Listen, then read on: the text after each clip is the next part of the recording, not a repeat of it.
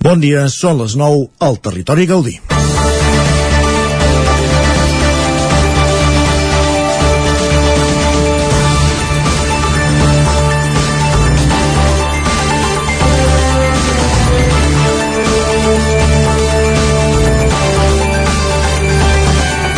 Sis dies corrents de la mulletenca Neus Ballús ha estat la gran triomfadora de la, de la nit dels Premis Gaudí. Amb els premis a la millor pel·lícula, millor direcció, millor actor principal i secundari i millor muntatge. Gran triomfador al costat de Libertat de la mallenca Clara Roquet amb quatre estatuetes per la millor pel·lícula de parla no catalana, millor actriu principal, millor guió i millor fotografia. La, la fotografia, l'art que ha desenvolupat al llarg de la seva trajectòria, el gaudí d'honor d'aquesta edició, Tomàs Pladevall, resident a Roda de Ter, que va captivar l'auditori amb el seu mestratge sobre la llum i les ombres, en una, on, en una nit on el granollerí Walter Gallard va recollir el premi a la millor direcció artística per les Leyes de la Frontera, repetint el reconeixement que ja va obtenir els Goya. Pla de Vall va ser un dels protagonistes de la nit, sense dubte, però les altres dues van ser, com dèiem, Neus Ballús i Clara Roquet. Dues directores que ja són present i futur del cinema de casa nostra al costat de Carla Simón, que ahir no va recollir cap reconeixement en forma d'estatueta, perquè el Carràs, la pel·lícula que ha guanyat l'Os d'Or a, la Berlina, a la Berlinale, encara no s'ha estrenat. Ballús ho deixava ben clar.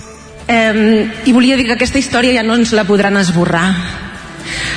Les dones hem arribat al cinema no per fer només òperes primes, hem vingut per quedar-nos.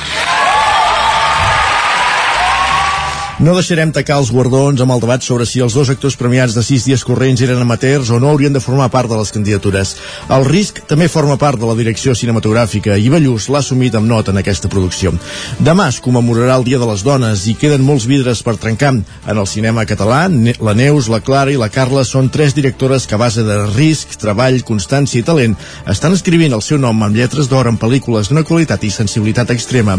I així s'ha reconegut aquesta nit.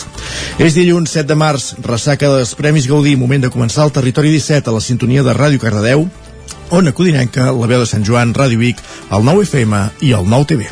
Territori 17, amb Isaac Moreno i Jordi Sunyer.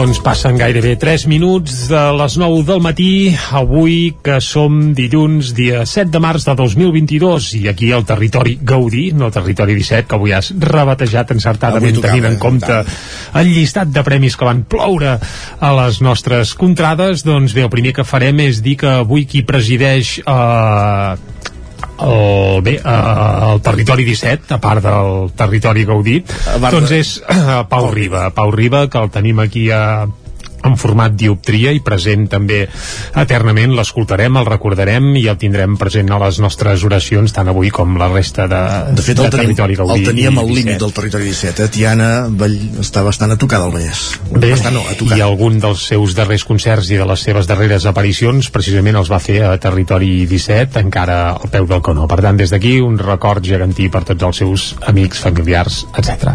Fet aquest apunt, el que farem de seguida és acostar-vos, com fem sempre, l'actualitat l'actualitat de casa nostra. Començarem el territori 17 per aquí. Després, a partir de les 10, avui parlarem, ho capgirem tot, eh? Ens centrarem en parlar uh, del conflicte que hi ha a Ucraïna, oi, Isaac? Correcte, i de l'ajuda humanitària que arriba des de, en aquest cas avui des d'Osona.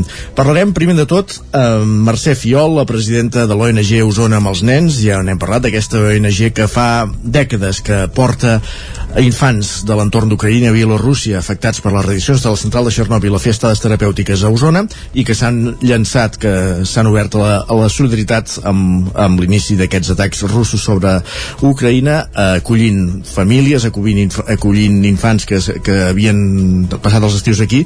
I ara ja s'han coordinat amb el Consell Comarcal d'Osona per per tirar endavant el projecte Osona amb Ucraïna també d'acollida i d'ajuda humanitària. En parlarem primer amb Mercè Fiol, com dèiem, la presidenta d'Osona amb els nens, i després amb el president del Consell Comarcal d'Osona, en Joan Carles Rodríguez, que alhora és l'alcalde de Sant Julià de Vilatorta, on hi ha també una patata calenta, que és eh, l'anunciat tancament de l'escola al Roser.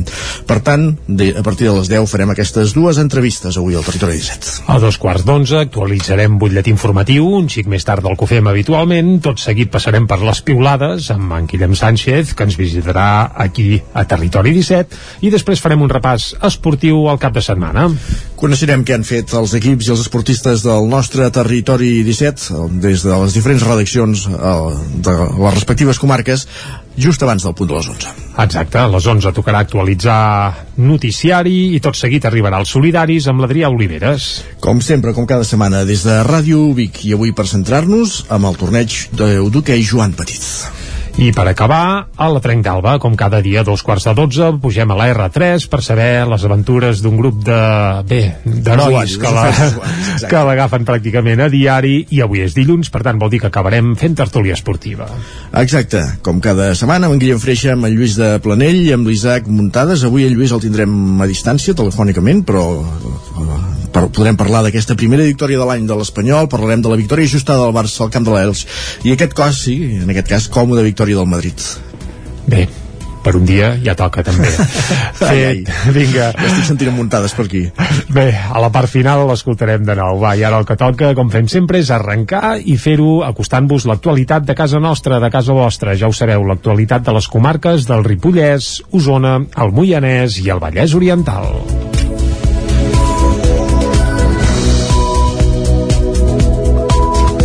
per explicar aquesta hora que mor un home de 66 anys en caure accidentalment prop del refugi de Coma de Vaca, Caralps, Isaac Muntades, des de la veu de Sant Joan. Un home de 66 anys va morir aquest divendres en caure accidentalment a prop del refugi de Coma de Vaca, al terme municipal de Caralps. Els bombers de la Generalitat de Catalunya van rebre l'alerta cap a un quart d'una de la tarda que un home s'havia precipitat en aquella zona mentre feia una ruta amb tres familiars més. Fins al lloc dels fets s'hi va desplaçar l'helicòpter de rescat efectiu del grup d'actuacions especials dels bombers amb personal mèdic del sistema d'emergències mèdiques mèdiques. Quan van arribar-hi, la víctima estava inconscient i patia una aturada cardiorrespiratòria. Els serveis mèdics van fer-li les maniobres de reanimació pulmonar, però van ser insatisfactòries i l'home va morir. En paral·lel, el SEM també va enviar un helicòpter medicalitzat al lloc de l'accident, el qual va aterrar a Caralps on l'helicòpter de rescat dels bombers n'havia recollit el personal i van aproximar-lo fins on hi havia la víctima i la resta de personal atenent-la. També es va informar als Mossos d'Esquadra, els quals van desplaçar-hi amb helicòpter diversos agents de la unitat d'intervenció de muntanya i es van fer càrrec de la investigació i les diligències judicials pertinents.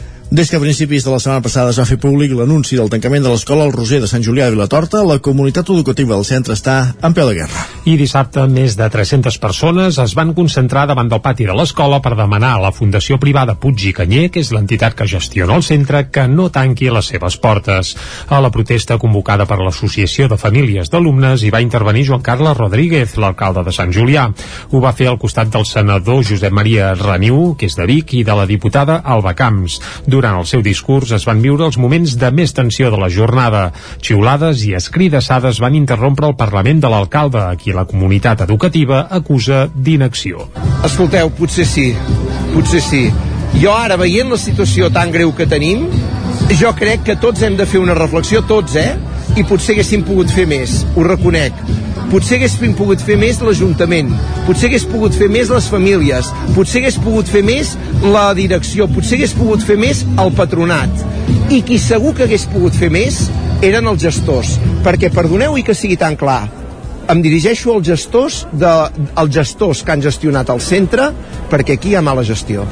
Des de l'Associació de Famílies d'Alumnes no veuen que aquest sigui un tancament transparent. La seva vicepresidenta, Montse Sans, assegura que l'Ajuntament no fa prou per evitar el tancament. Lamenten que el consistori faci més esforços per buscar alternatives pels més de 200 alumnes afectats que no pas per mantenir el centre obert. L'escoltem. L'Ajuntament és aquí una, és clau per a, per a aquesta situació. El que no pot ser és que s'anunciï el tancament d'una escola sense haver-hi uns números sobre la taula. Eh, això és com una empresa. Com pot ser que tanquis una empresa si no pots demostrar que hi ha uns dèficits? No de paraula. S'han de demostrar de veritat. I que l'Ajuntament quan si això se li diu eh, no hi hagi cap problema val, doncs es tanca. Mirem de veure com ubiquem els nens. No, com a Ajuntament la seva obligació és dir, a veure, es tanca. Vull els papers. I vull mirar-ho. I llavors com a poble mirem a veure si podem revertir-ho a partir d'aquest dilluns, l'Associació de Famílies d'Alumnes ha convocat una cassolada a les portes de l'Ajuntament, un acte que en principi s'ha de repetir cada dia a les 8 del vespre. I més qüestions. Roger Aguayo, el jove de Callatenes que va ser detingut el 21 de febrer del 19 als talls de la carretera que es van produir a Osona durant les protestes per l'inici del judici de l'1 d'octubre, ha estat condemnat a un any i mig de presó. Així mateix ho va notificar aquest divendres l'Audiència de Barcelona.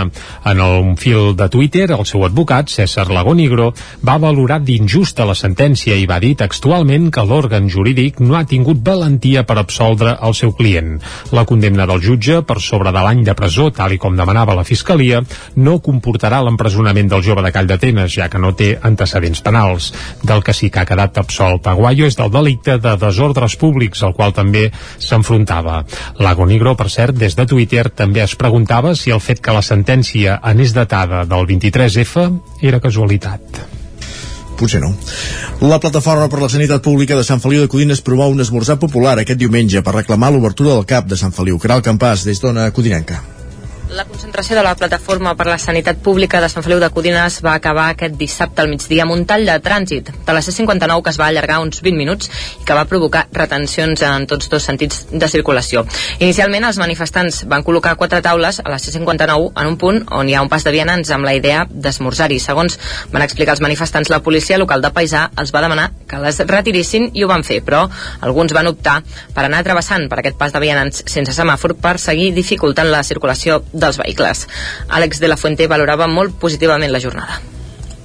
Des de la plataforma en defensa de la sanitat pública de Sant Feliu de Codines considerem que la jornada reivindicativa d'avui, al, migdia, ha estat un èxit total i absolut. Hem pogut realitzar totes les activitats on unes 100 persones s'han unit per demanar serveis dignes les famílies s'havien trobat cap a les 11 del matí a la plaça Josep Humbert Ventura davant l'Ajuntament. De la Fuente, portaveu de la plataforma, deia que és un primer pas endavant, però lamentava la nula, la nula implicació d'alguns polítics. Podem dir, per tant, que és un primer pas per reivindicar uns serveis que, per altra banda, ens corresponen. Som 6.500 habitants. D'ells, molts, molta gent gran, i 988 nens més els 13 de Gallifa. I considerem que és una llàstima que molts dels representants de l'Ajuntament no hagin volgut unir-se a les demandes que són pròpies de tots els codinencs i codinenques. El grup reclama la millora de l'atenció sanitària al poble amb l'obertura del nou CAP, que ja està a punt des de fa uns mesos, però encara no s'ha estrenat.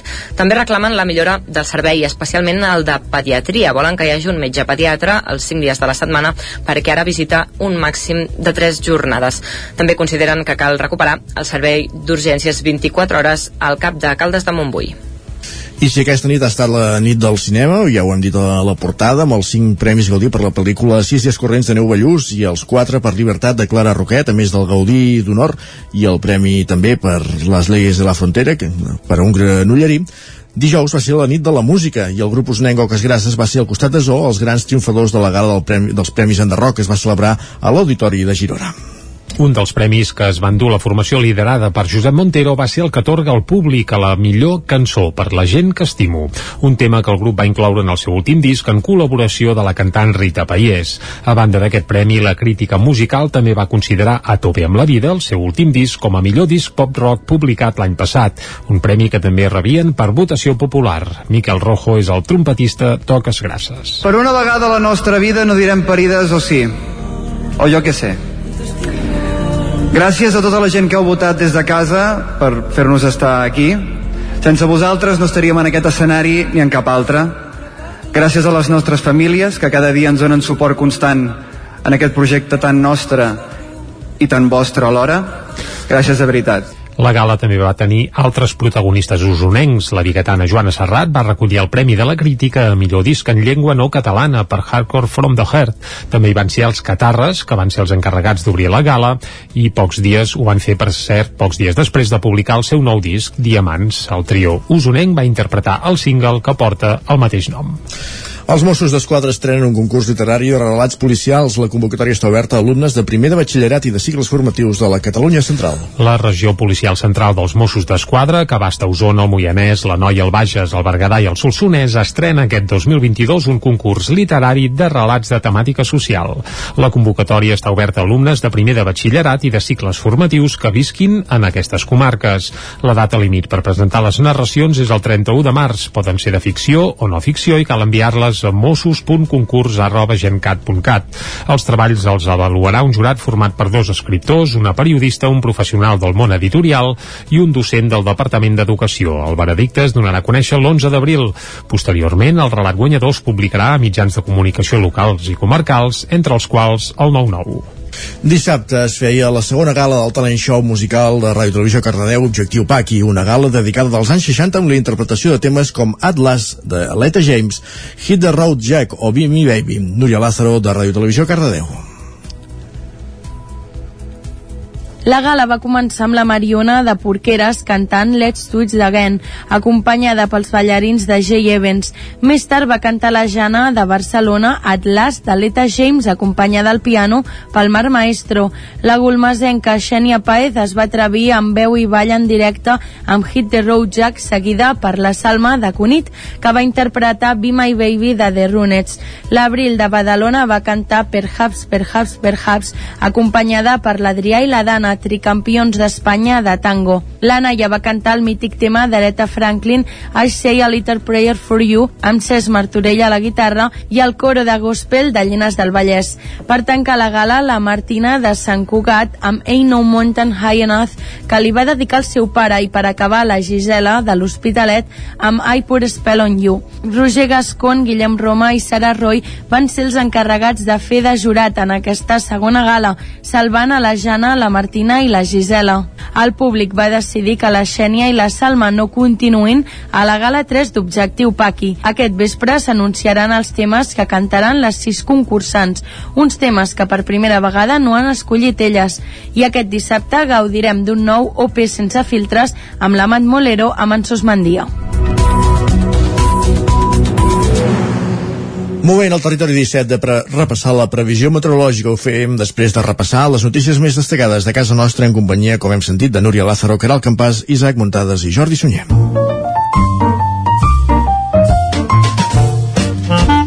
Casa Terradellos us ofereix el temps.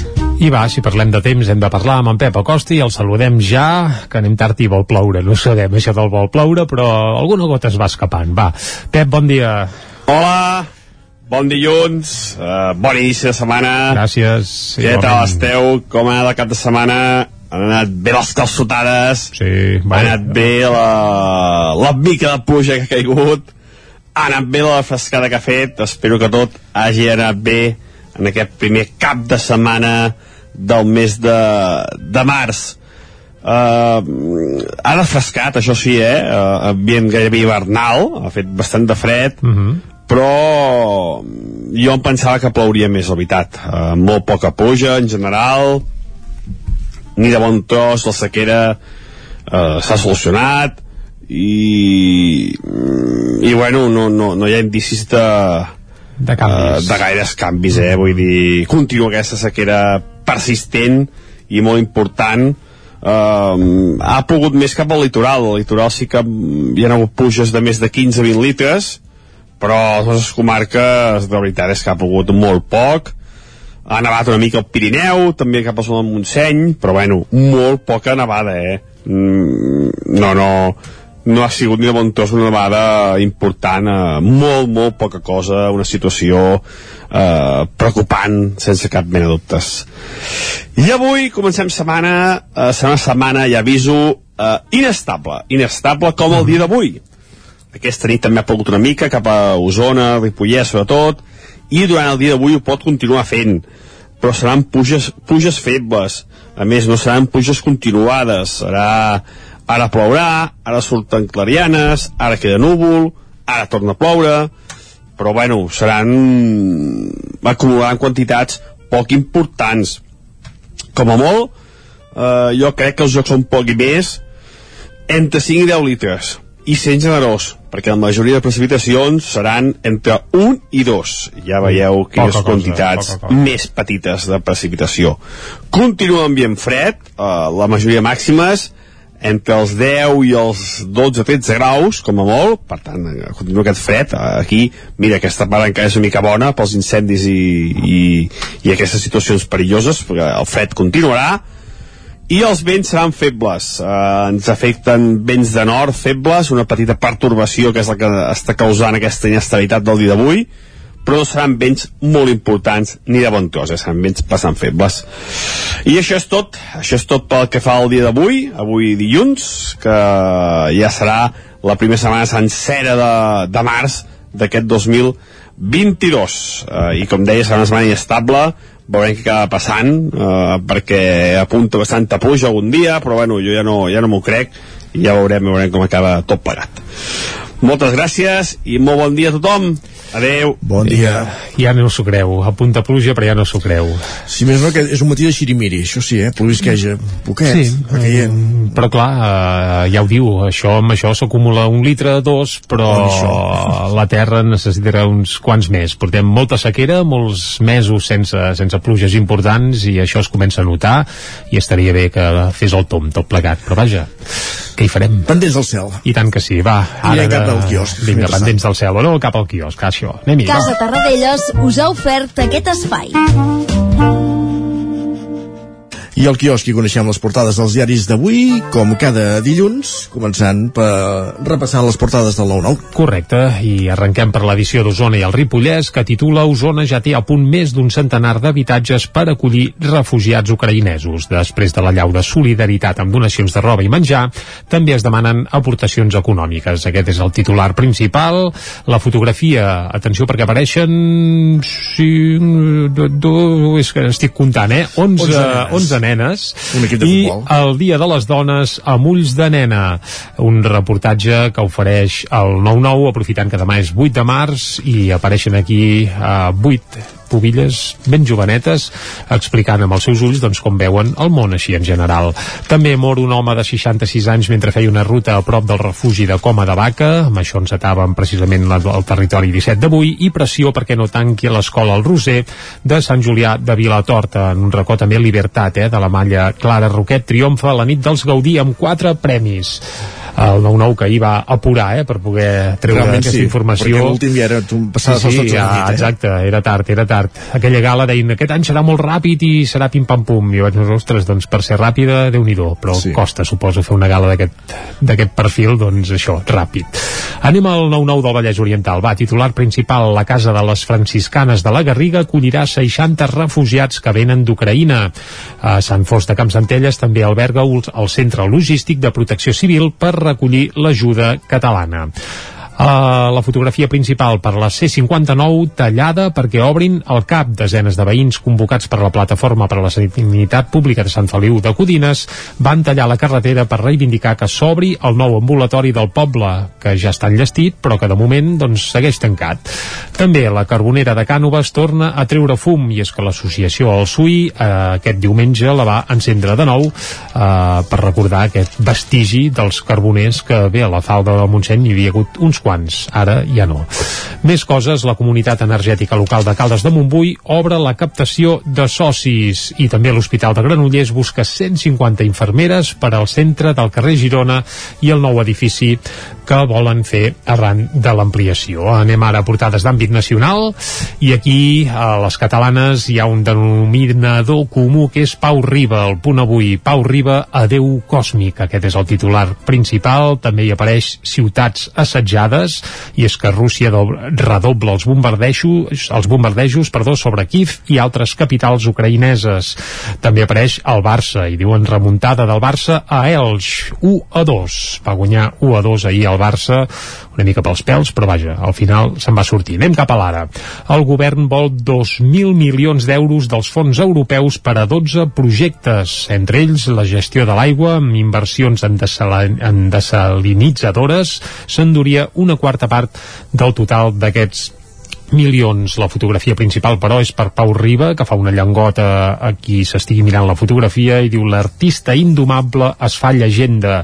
I és que Pau Riba, més còsmic i genial, va morir ahir als 73 anys sense haver abandonat mai la seva actitud transgressora. Això és el que diuen a la portada de l'Ara, on també hi ha un raconet per als gaudir de les directores i amb una fotografia on hi ha Neus Ballús i també la Clara Roquet de Malla. Per cert, hi va haver un moment que li diuen ostres, m'agrada treballar amb tu perquè ets de Vic i ens portes fuets. Sí, això era Antonio Folguera, el, el sí. productor de la pel·lícula Bé, de, de l'Astromèdia. És de Malla, al costat de Vic, i si va portant fuets, escolta, l'haurem de convidar un dia aquí també que ens en porti algun. Exacte. No? Estaria bé, va. Uh, anem a l'avantguàrdia. Va, Rússia ataca els civils per reforçar la rendició d'Ucraïna. Aquest és el titular principal uh, de l'avantguàrdia i en un raconet molt més amagat que no pas el punt avui i a l'ara també hi apareix Pau Riba, mort Pau Riba, pare del rock català, diuen a l'avantguàrdia. El periòdico, els Estats Units acusen Putin de cometre crims de guerra. Aquest és el titular principal. L'espant per les morts causades pels bombardejos sobre civils sacseja el món. En un raconet també Pau Riba, el trobador còsmic, emprèn l'últim viatge, diuen el periòdico, i el Barça suma una victòria transcendental en el camí de la Champions. Això a la portada del periòdico. I anem a fer un cop d'ull a les portades que s'editen des de Madrid. Evidentment allà Pau Riba no saben pas ni qui és, no apareix en lloc, però hi apareixen altres coses, sobretot amb la vista posada cap a Ucraïna, el país. Rússia se ensanya con los civiles. Ho dic en castellà perquè això del se ensanya no sabria ben bé com, com traduir-ho.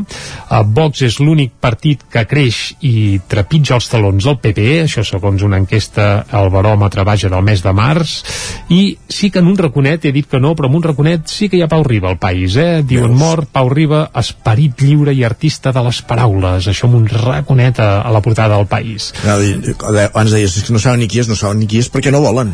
Bé, algú qui, qui sí, que uh, rectifiquem que és de savis i el país sí que amb un raconet i apareixia Pau Riba. Molt bé. A cap altre diari, eh? Ara sí que ja ho podem certificar, però vaja uh, El Mundo, pluja de foc contra civils a les ciutats ucraïneses i també Podemos repta Sánchez a que trenqui la coalició el PSOE, perquè el PSOE és un partit de guerra, això és el que diuen des de Podemos, a l'ABC a Moscou bombardeja a civils a les portes de Kiev i també la trama púnica ressuscita una dècada després al mateix lloc on va començar atenció, això segur que tindrà capítols nous, ho haurem d'anar seguint. I acabem a la Razón, que diuen la crisi del PP permet que Sánchez torni a estar a la cabeza.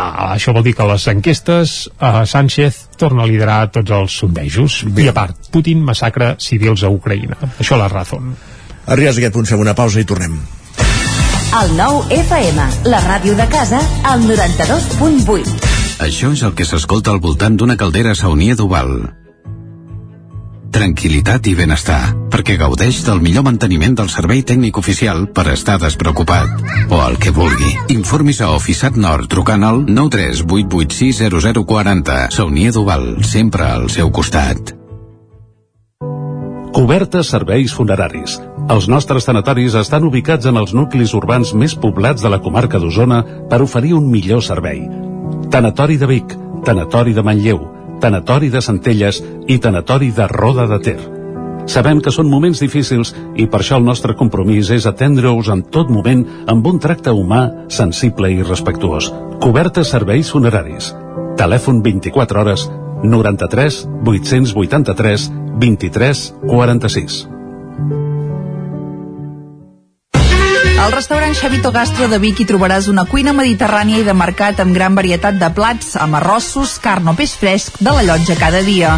Vine a dinar de dimarts a divendres i prova el nostre menú diari per només 15 euros o a les nits de dijous a diumenge tastar el nostre menú degustació amb arrossos i tapes per 25 euros. Restaurant Xamito Gastro. Ens trobaràs al carrer Callnou número 9 de Vic i al telèfon 93 094 1172 o al 747 42 90 42 58. A El racó de León ja és primavera. Gaudeix de la nostra terrassa, vine a tastar les xuletilles de lechal a la brasa amb una bona amanida o el xuletón de vedella gallega. No et pots perdre el nostre lechado de Castilla al forn o el cochinillo a l'estil de Segovia, tot acompanyat del millor celler, al menjador o fora la terrassa. Descobreix la millor cuina de Lleó sense moure't de casa. Vine amb la família, els amics, la parella o sol. T'encantarà. El racó de León, cuina tradicional lleonesa i de mercat. Som al carrer Torelló número 35 de Vic. Per reserves, telèfon 93 889 1950. El racó de León, una cuina diferent. Cocodril Club. Si t'agrada la bona música dels anys 60, 70 i 80, escolta el 9 FM els matins de dissabtes i diumenges d'11 a 1. És el temps del Cocodril Club, tot un clàssic de la ràdio, amb les bases del pop-rock, les llegendes, les cançons que s'han convertit en autèntics himnes. Recorda, dissabtes i diumenges al matí, d'11 a 1, al 9 FM 92.8. Cocodril Club, el programa revival de l'Albert Malla. Hasta luego, Anuncia't al 9FM. La màquina de casa. 9 3 8 8 9 4 9 4 9. Publicitat arroba al 9FM.cat. Anuncia't al 9FM. La publicitat més eficaç. El 9FM, el 9FM, el 9FM. En punt, dos quarts de deu al territori 17. Territori 17, amb Isaac Moreno i Jordi Sunyer.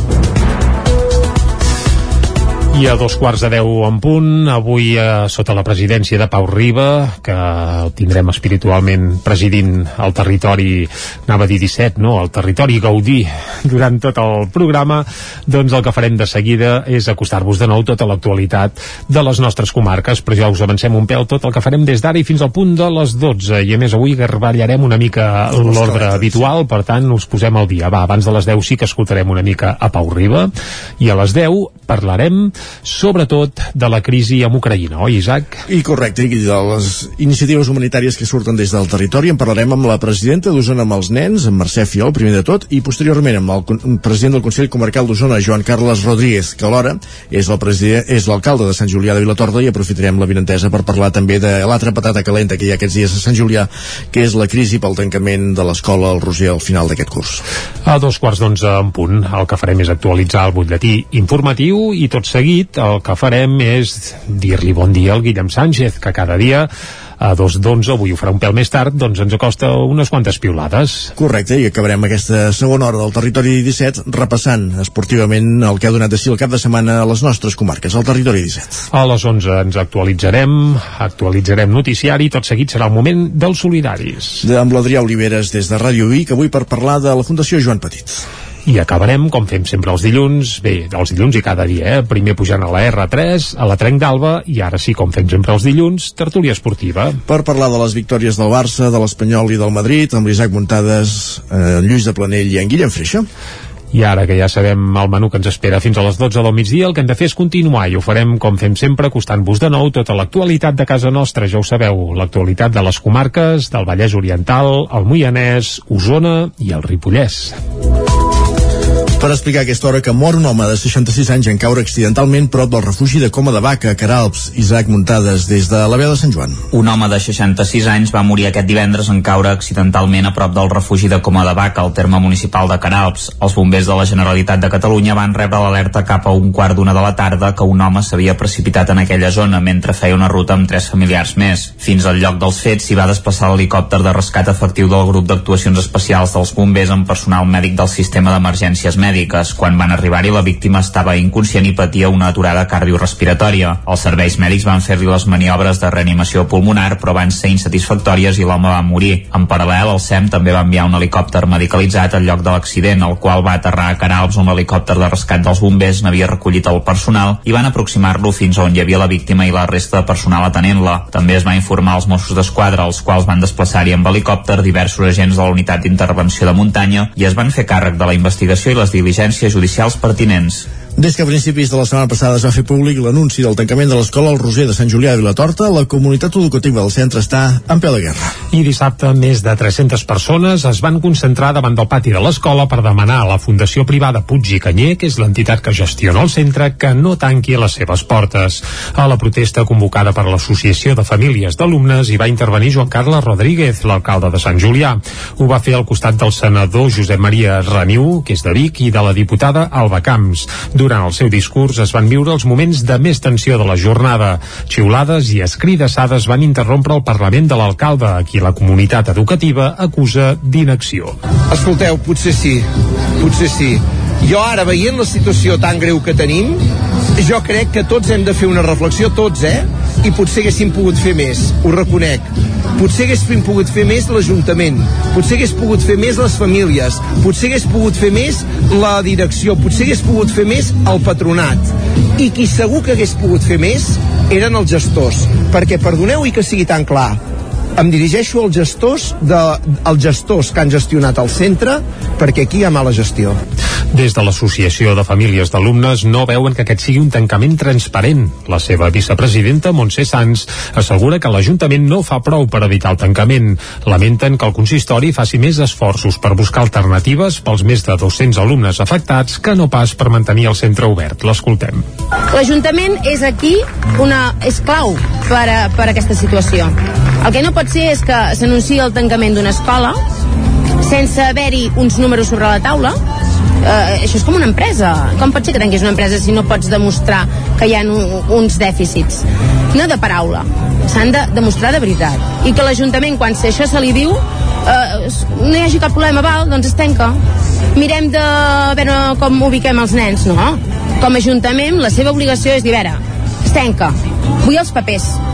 I vull mirar-ho. I llavors com a poble mirem a veure si podem revertir-ho a partir d'aquest dilluns, l'Associació de Famílies d'Alumnes ha convocat una cassolada a les portes de l'Ajuntament, un acte que en principi s'ha de repetir cada dia a les 8 del vespre. I més qüestions. Roger Aguayo, el jove de Callatenes que va ser detingut el 21 de febrer del 19 als talls de la carretera que es van produir a Osona durant les protestes per l'inici del judici de l'1 d'octubre, ha estat condemnat a un any i mig de presó. Així mateix ho va notificar aquest divendres l'Audiència de Barcelona. En el fil de Twitter, el seu advocat, César Lagonigro, va valorar d'injusta la sentència i va dir textualment que l'òrgan jurídic no ha tingut valentia per absoldre el seu client. La condemna del jutge per sobre de l'any de presó, tal i com demanava la Fiscalia, no comportarà l'empresonament del jove de Call d'Atenes, ja que no té antecedents penals. Del que sí que ha quedat absolt Aguayo és del delicte de desordres públics, al qual també s'enfrontava. Lagonigro, per cert, des de Twitter també es preguntava si el fet que la sentència anés datada del 23F era casualitat. Potser no.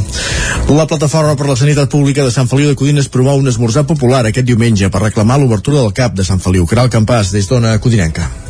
La concentració de la Plataforma per la Sanitat Pública de Sant Feliu de Codines va acabar aquest dissabte al migdia amb un tall de trànsit de la C-59 que es va allargar uns 20 minuts i que va provocar retencions en tots dos sentits de circulació. Inicialment els manifestants van col·locar quatre taules a la C-59 en un punt on hi ha un pas de vianants amb la idea d'esmorzar-hi. Segons van explicar els manifestants, la policia local de Paisà els va demanar que les retirissin i ho van fer, però alguns van optar per anar travessant per aquest pas de vianants sense semàfor per seguir dificultant la circulació dels vehicles. Àlex de la Fuente valorava molt positivament la jornada. Des de la plataforma en defensa de la sanitat pública de Sant Feliu de Codines considerem que la jornada reivindicativa d'avui, al, migdia, ha estat un èxit total i absolut. Hem pogut realitzar totes les activitats on unes 100 persones s'han unit per demanar serveis dignes. Les famílies s'havien trobat cap a les 11 del matí a la plaça Josep Humbert Ventura davant l'Ajuntament. De la Fuente, portaveu de la plataforma, deia que és un primer pas endavant, però lamentava la nula, la nula implicació d'alguns polítics. Podem dir, per tant, que és un primer pas per reivindicar uns serveis que, per altra banda, ens corresponen. Som 6.500 habitants. D'ells, molts, molta gent gran i 988 nens més els 13 de Gallifa. I considerem que és una llàstima que molts dels representants de l'Ajuntament no hagin volgut unir-se a les demandes que són pròpies de tots els codinencs i codinenques. El grup reclama la millora de l'atenció sanitària al poble amb l'obertura del nou CAP, que ja està a punt des de fa uns mesos, però encara no s'ha estrenat. També reclamen la millora del servei, especialment el de pediatria. Volen que hi hagi un metge pediatre els 5 dies de la setmana perquè ara visita un màxim de 3 jornades. També consideren que cal recuperar el servei d'urgències 24 hores al CAP de Caldes de Montbui. I si aquesta nit ha estat la nit del cinema, ja ho hem dit a la portada, amb els 5 premis Gaudí per la pel·lícula Sis dies corrents de Neu Ballús i els 4 per Llibertat de Clara Roquet, a més del Gaudí d'Honor i el premi també per Les Leyes de la Frontera, que, per a un granollerí, Dijous va ser la nit de la música i el grup Usnenc Oques Grasses va ser al costat de Zoo els grans triomfadors de la gala del premi, dels Premis Enderroc que es va celebrar a l'Auditori de Girona. Un dels premis que es van dur la formació liderada per Josep Montero va ser el que atorga al públic a la millor cançó per la gent que estimo, un tema que el grup va incloure en el seu últim disc en col·laboració de la cantant Rita Paiés. A banda d'aquest premi, la crítica musical també va considerar A tope amb la vida, el seu últim disc, com a millor disc pop-rock publicat l'any passat, un premi que també rebien per votació popular. Miquel Rojo és el trompetista Toques Grasses. Per una vegada a la nostra vida no direm parides o sí, o jo què sé. Gràcies a tota la gent que heu votat des de casa per fer-nos estar aquí. Sense vosaltres no estaríem en aquest escenari ni en cap altre. Gràcies a les nostres famílies que cada dia ens donen suport constant en aquest projecte tan nostre i tan vostre alhora. Gràcies de veritat. La gala també va tenir altres protagonistes usonencs. La biguetana Joana Serrat va recollir el Premi de la Crítica a millor disc en llengua no catalana per Hardcore From the Heart. També hi van ser els Catarres, que van ser els encarregats d'obrir la gala, i pocs dies ho van fer, per cert, pocs dies després de publicar el seu nou disc, Diamants. El trio usonenc va interpretar el single que porta el mateix nom. Els Mossos d'Esquadra estrenen un concurs literari de relats policials. La convocatòria està oberta a alumnes de primer de batxillerat i de cicles formatius de la Catalunya Central. La regió policial central dels Mossos d'Esquadra, que abasta Osona, el Moianès, la Noia, el Bages, el Berguedà i el Solsonès, estrena aquest 2022 un concurs literari de relats de temàtica social. La convocatòria està oberta a alumnes de primer de batxillerat i de cicles formatius que visquin en aquestes comarques. La data límit per presentar les narracions és el 31 de març. Poden ser de ficció o no ficció i cal enviar-les a mossos.concurs.gencat.cat. Els treballs els avaluarà un jurat format per dos escriptors, una periodista, un professional del món editorial i un docent del Departament d'Educació. El veredicte es donarà a conèixer l'11 d'abril. Posteriorment, el relat guanyador es publicarà a mitjans de comunicació locals i comarcals, entre els quals el 9-9. Dissabte es feia la segona gala del talent show musical de Ràdio Televisió Cardedeu Objectiu Paqui, una gala dedicada dels anys 60 amb la interpretació de temes com Atlas de Aleta James, Hit the Road Jack o Be Me Baby, Núria Lázaro de Ràdio Televisió Cardedeu. La gala va començar amb la Mariona de Porqueres cantant Let's Do It Again, acompanyada pels ballarins de Jay Evans. Més tard va cantar la Jana de Barcelona Atlas de l'Eta James, acompanyada al piano pel Mar Maestro. La gulmasenca Xènia Paez es va atrevir amb veu i ball en directe amb Hit the Road Jack, seguida per la Salma de Cunit, que va interpretar Be My Baby de The Runettes. L'Abril de Badalona va cantar Perhaps, Perhaps, Perhaps, acompanyada per l'Adrià i la Dana, tricampions d'Espanya de tango. L'Anna ja va cantar el mític tema d'Aretha Franklin I Say a Little Prayer for You amb Cesc Martorell a la guitarra i el coro de gospel de Llenes del Vallès. Per tancar la gala, la Martina de Sant Cugat amb Ain't No Mountain High Enough que li va dedicar al seu pare i per acabar la Gisela de l'Hospitalet amb I Put Spell on You. Roger Gascon, Guillem Roma i Sara Roy van ser els encarregats de fer de jurat en aquesta segona gala, salvant a la Jana, la Martina i la Gisela. El públic va decidir que la Xènia i la Salma no continuïn a la gala 3 d'Objectiu Paqui. Aquest vespre s'anunciaran els temes que cantaran les sis concursants, uns temes que per primera vegada no han escollit elles. I aquest dissabte gaudirem d'un nou OP sense filtres amb l'Amat Molero amb en Sos Mandia. Moment al territori 17 de pre repassar la previsió meteorològica. Ho fem després de repassar les notícies més destacades de casa nostra en companyia, com hem sentit, de Núria Lázaro, Caral Campàs, Isaac Muntades i Jordi Sunyer.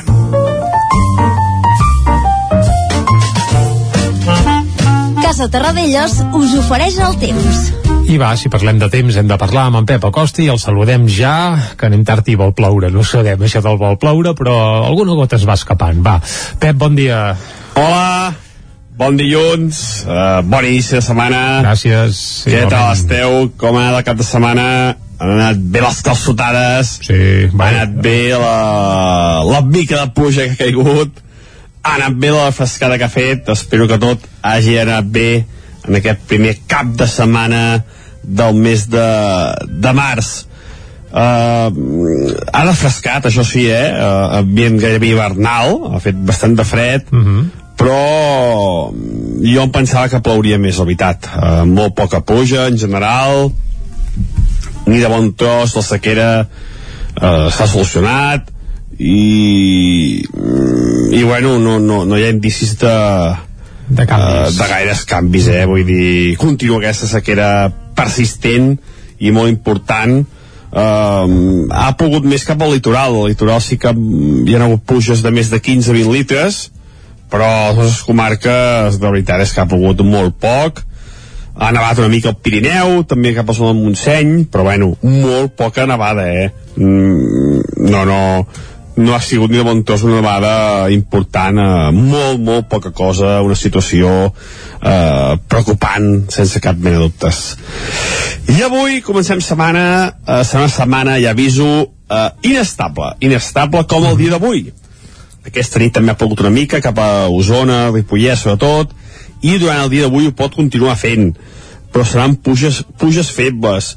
A més no seran puges continuades. Serà ara plourà ara surten clarianes ara queda núvol ara torna a ploure però bueno, seran acumularan quantitats poc importants. Com a molt eh, jo crec que els jocs són poc i més entre 5 i 10 litres i sent generós, perquè la majoria de precipitacions seran entre 1 i 2. Ja veieu quines Poca cosa, quantitats poca cosa. més petites de precipitació. Continua ambient fred, eh, la majoria màximes entre els 10 i els 12-13 graus, com a molt, per tant, eh, continua aquest fred. Eh, Aquí, mira, aquesta part encara és una mica bona pels incendis i, i, i aquestes situacions perilloses, perquè el fred continuarà, i els vents seran febles. Eh, ens afecten vents de nord febles, una petita pertorbació que és la que està causant aquesta inestabilitat del dia d'avui però no seran vents molt importants ni de bon tros, eh? seran vents bastant febles. I això és tot. Això és tot pel que fa al dia d'avui avui dilluns, que ja serà la primera setmana sencera de, de març d'aquest 2022 eh, i com deia serà una setmana inestable veurem què acaba passant eh, perquè apunta bastanta pluja algun dia però bueno, jo ja no, ja no m'ho crec i ja veurem, veurem com acaba tot plegat. Moltes gràcies i molt bon dia a tothom adeu bon dia Ja no s'ho creu, a punta pluja però ja no s'ho creu. si més no que és un matí de xirimiri això sí, eh, plovisqueja poquet Sí, caient. Però clar, eh, ja ho diu, això amb això s'acumula un litre, dos, però la Terra necessitarà uns quants més. Portem molta sequera, molts mesos sense, sense pluges importants i això es comença a notar i estaria bé que fes el tom tot plegat. Però vaja, què hi farem? Pendents del cel. I tant que sí, va. Anirem cap al quiosc. Vinga, pendents del cel, o no? Cap al quiosc, això. Anem-hi. Casa Tarradellas us ha ofert aquest espai. I al quiosc hi coneixem les portades dels diaris d'avui, com cada dilluns, començant per repassar les portades del 9-9. Correcte, i arrenquem per l'edició d'Osona i el Ripollès, que titula Osona ja té a punt més d'un centenar d'habitatges per acollir refugiats ucraïnesos. Després de la llau de solidaritat amb donacions de roba i menjar, també es demanen aportacions econòmiques. Aquest és el titular principal. La fotografia, atenció perquè apareixen... Sí, do, do, és que estic comptant, eh? 11, 11 nenes, 11 nenes i el Dia de les Dones amb ulls de nena. Un reportatge que ofereix el 9-9 aprofitant que demà és 8 de març i apareixen aquí uh, 8 pubilles ben jovenetes explicant amb els seus ulls doncs, com veuen el món així en general. També mor un home de 66 anys mentre feia una ruta a prop del refugi de Coma de Vaca, amb això ens ataven precisament el territori 17 d'avui, i pressió perquè no tanqui l'escola al Roser de Sant Julià de Vilatorta. En un racó també Libertat, eh, de la malla Clara Roquet, triomfa la nit dels Gaudí amb quatre premis. El 9-9 que ahir va apurar eh, per poder treure Realment aquesta sí, informació. perquè l'últim ja era un passades sí, sí, 12 de la ja, nit, eh? exacte, era tard, era tard. Aquella gala deien, aquest any serà molt ràpid i serà pim-pam-pum. I vaig dir, ostres, doncs per ser ràpida, déu nhi però sí. costa, suposo, fer una gala d'aquest perfil, doncs això, ràpid. Anem al 9-9 del Vallès Oriental. Va, titular principal, la Casa de les Franciscanes de la Garriga acollirà 60 refugiats que venen d'Ucraïna. A Sant Fost de Campsentelles també alberga el Centre Logístic de Protecció Civil per recollir l'ajuda catalana. Uh, la fotografia principal per la C59 tallada perquè obrin el CAP. Desenes de veïns convocats per la Plataforma per a la Sanitat Pública de Sant Feliu de Codines van tallar la carretera per reivindicar que s'obri el nou ambulatori del poble, que ja està enllestit, però que de moment doncs, segueix tancat. També la Carbonera de Cànoves torna a treure fum, i és que l'associació El Sui eh, aquest diumenge la va encendre de nou eh, per recordar aquest vestigi dels carboners que bé, a la falda del Montseny hi havia hagut uns quants. Ara ja no. Més coses, la comunitat energètica local de Caldes de Montbui obre la captació de socis. I també l'Hospital de Granollers busca 150 infermeres per al centre del carrer Girona i el nou edifici que volen fer arran de l'ampliació. Anem ara a portades d'àmbit nacional. I aquí a les catalanes hi ha un denominador comú que és Pau Riba, el punt avui. Pau Riba, adeu còsmic. Aquest és el titular principal, també hi apareix ciutats assetjades i és que Rússia redobla els bombardejos, els bombardejos perdó, sobre Kiev i altres capitals ucraïneses. També apareix el Barça i diuen remuntada del Barça a Elx, 1 a 2. Va guanyar 1 a 2 ahir el Barça, una mica pels pèls, però vaja, al final se'n va sortir. Anem cap a l'ara. El govern vol 2.000 milions d'euros dels fons europeus per a 12 projectes, entre ells la gestió de l'aigua amb inversions en, en desalinitzadores s'enduria una quarta part del total d'aquests milions. La fotografia principal, però, és per Pau Riba, que fa una llangota a qui s'estigui mirant la fotografia i diu l'artista indomable es fa llegenda.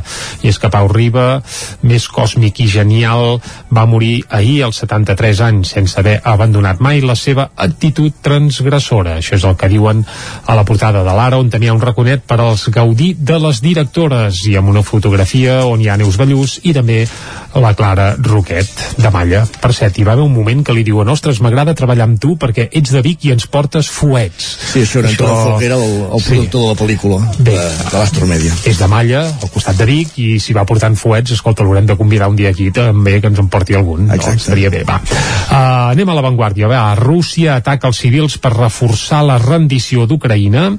Aquest és el titular principal uh, de l'avantguàrdia i en un raconet molt més amagat que no pas el punt avui i a l'ara també hi apareix Pau Riba, mort Pau Riba, pare del rock català, diuen a l'avantguàrdia. El periòdico, els Estats Units acusen Putin de cometre crims de guerra. Aquest és el titular principal. L'espant per les morts causades pels bombardejos sobre civils sacseja el món. En un raconet també Pau Riba, el trobador còsmic, emprèn l'últim viatge, diuen el periòdico, i el Barça suma una victòria transcendental en el camí de la Champions. Això a la portada del periòdico. I anem a fer un cop d'ull a les portades que s'editen des de Madrid. Evidentment allà Pau Riba no saben pas ni qui és, no apareix en lloc, però hi apareixen altres coses, sobretot amb la vista posada cap a Ucraïna, el país. Rússia se ensanya con los civiles. Ho dic en castellà perquè això del se ensanya no sabria ben bé com, com traduir-ho. Uh, Vox és l'únic partit que creix i trepitja els talons al PP, això segons una enquesta al baròmetre vaja del mes de març, i sí que en un raconet, he dit que no, però en un raconet sí que hi ha Pau Riba al país, eh? Diuen mort, Pau Riba, esperit lliure i artista de les paraules, això amb un raconet a, a la portada del país. Abans deies que no saben ni qui és, no saben ni qui és perquè no volen. Bé, algú qui, qui sí, uh, rectifiquem que és de savis i el país sí que amb un raconet i apareixia Pau Riba. Molt bé. A cap altre diari, eh? Ara sí que ja ho podem certificar, però vaja uh, El Mundo, pluja de foc contra civils a les ciutats ucraïneses i també Podemos repta Sánchez a que trenqui la coalició el PSOE, perquè el PSOE és un partit de guerra, això és el que diuen des de Podemos, l'ABC a Moscou bombardeja a civils a les portes de Kiev i també la trama púnica ressuscita una dècada després al mateix lloc on va començar atenció, això segur que tindrà capítols nous, ho haurem d'anar seguint. I acabem a la Razón, que diuen la crisi del PP permet que Sánchez torni a estar a la cabeza. Això vol dir que les enquestes eh, Sánchez torna a liderar tots els sondejos. Bé. I a part, Putin massacra civils a Ucraïna. Això a la Razón. Gairebé és miraculós que a la Razón el PSOE vagi al capdant de les enquestes, eh? Bé, deu ser qui va de molt. sí, sí, sí. Uh, suposo que ho fan per picar el crostó a, al PP. Bé, bàsicament a casa perquè dir, va, espavilem una mica, que si no, això d'aquí dos anyets venen eleccions uh, estatals i el més calent a l'aigüera. Però bé, deixem de parlar d'eleccions, deixem de, de parlar d'actualitat ibèrica i centrem-nos en actualitat còsmica i galàctica i és que ahir malauradament ens vam llevar amb la notícia que Pau Riba eh, havia mort, ja s'havia fet públic perquè ho havia anunciat ell mateix abans de Nadal que patia un càncer del qual a més a més ja bé, no hi havia remei, ja li van aplaudir diu Pau això s'acaba i ell podia haver fet dues coses eh, quedar-se a casa i xinutxano doncs au, anar, anar veient com s'anava pagant però ell va decidir, ho va tenir claríssim diu jo segueixo els concerts, segueixo els enregistraments i com si no passés res això vol dir que per Nadal va fer concerts que abans de Nadal va ser l'Atlàntida de Vic precisament amb el comiat d'Ovidi 4 doncs cantant també una cançó el van poder Va veure i va aparèixer, sí, sí, per sorpresa però en plena forma, plena, en forma ras i curt i aquesta setmana passada mateix encara era a Salt, als estudis de Lluís Costa, doncs enregistrant un disc que s'editarà aquesta primavera amb l'orquestra Fireluce. Aquest disc s'havia de presentar en directe en el marc del Festival Estrenes de Girona i bé, hi estava anunciada la presència del Pau Riba i l'estrena d'aquest disc. El disc sembla que finalment sí que s'ha pogut enllestir pràcticament tot, ara estan en fase de mescles i postproducció, però evidentment la seva presentació s'haurà de fer sense la presència, si més no carnal, de, del Pau. Espiritualment segurament que hi serà, tant aquell concert com també avui, i segurament eh, on faci falta perquè clar, les seves cançons ara sí que ja són eternes. I ara fins a arribar al punt de les 10, exacte, ens quedarem amb una de les que a, a mi pel que fa a lletres em té més encisat, ja quan era jove hi havia coses que no acabava d'entendre però bé, és que no cal entendre-ho tot. El millor en Pau Riba és deixar-se dur, deixar-se portar i volar, volar com feia, com feia ell. L'home estàtic. Volem fins a les 10 amb aquest home estàtic, una de les peces que apareixia el mític Dioptria, un àlbum del tot imprescindible que si no teniu ja podeu córrer a fitxar perquè és una autèntica joia. Amb això arribem fins al punt de les 10 aquí a Territori 17. crement i fa blanca mitja cara troba la nina d'un ull la voldria per companya però no la crida ni acull i la nina se'n va a França és l'home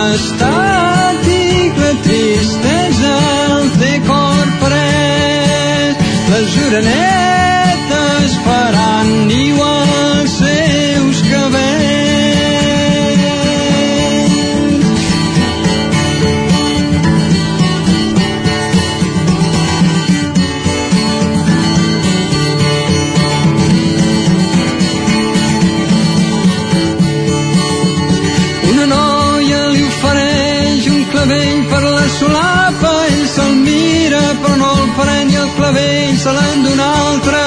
estiu quan ell ja és gran, l'amor ve amb tres candidates, ell les mira falagat, però l'amor té pressa i marxa.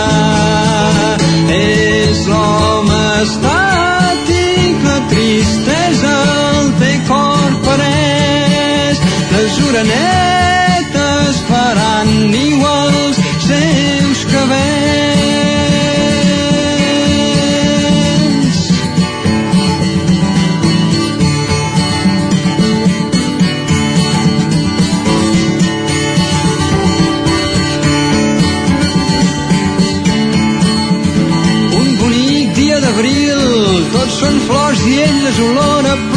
l'amo d'un jardí. I li fa una cara nova, descobreix que no està bé.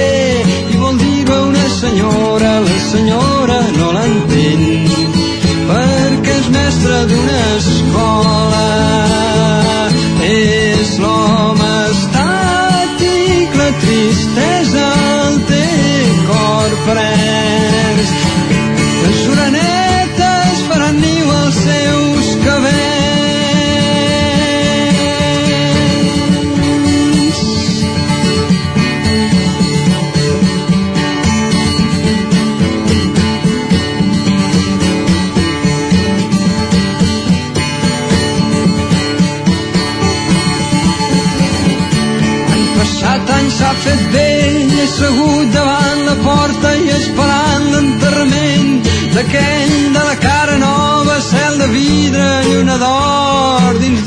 caixó sense potes, geu el cos d'un home mort.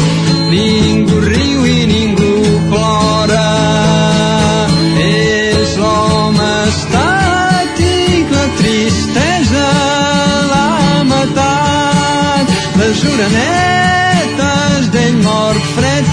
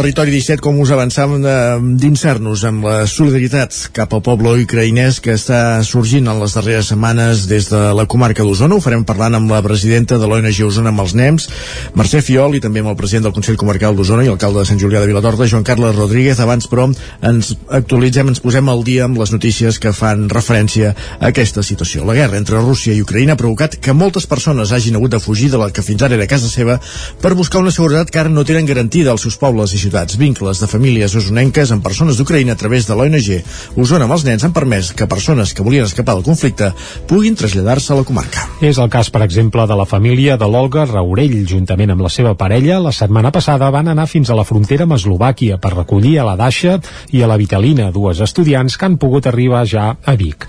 Es comuniquen a través del mòbil amb la seva mare i els seus germans, que encara són a Ucraïna. Aquestes dues estudiants de 19 i 18 anys són les dues primeres persones persones refugiades de la guerra que han arribat a Osona un cop esclatat el conflicte. L'Olga i l'Aljosa, la seva parella, no van dubtar ni un moment d'anar-les a buscar a la frontera entre Ucraïna i Eslovàquia, quan la Dasha els va contactar. Diumenge passat ja feien camí cap allà, viatjant en avió fins a Viena i després en cotxe fins al punt fronterer. Escoltem Olga Raurell. La Dasha ens, ens va demanar ajuda ens van donar ajuda i ens va dir que, que volien anar a l'estranger i que com que volien anar a l'estranger les havíem d'ajudar perquè no tenien cap més contacte que nosaltres. I els vaig dir que, que i tant, que cap problema que aquí podien venir, de moment la seva família està bé, estan a Xitomir. Um, de vegades sí que han d'anar al refugi de bombes i de vegades estan a casa tots els seus amics han quedat repartits per arreu del món.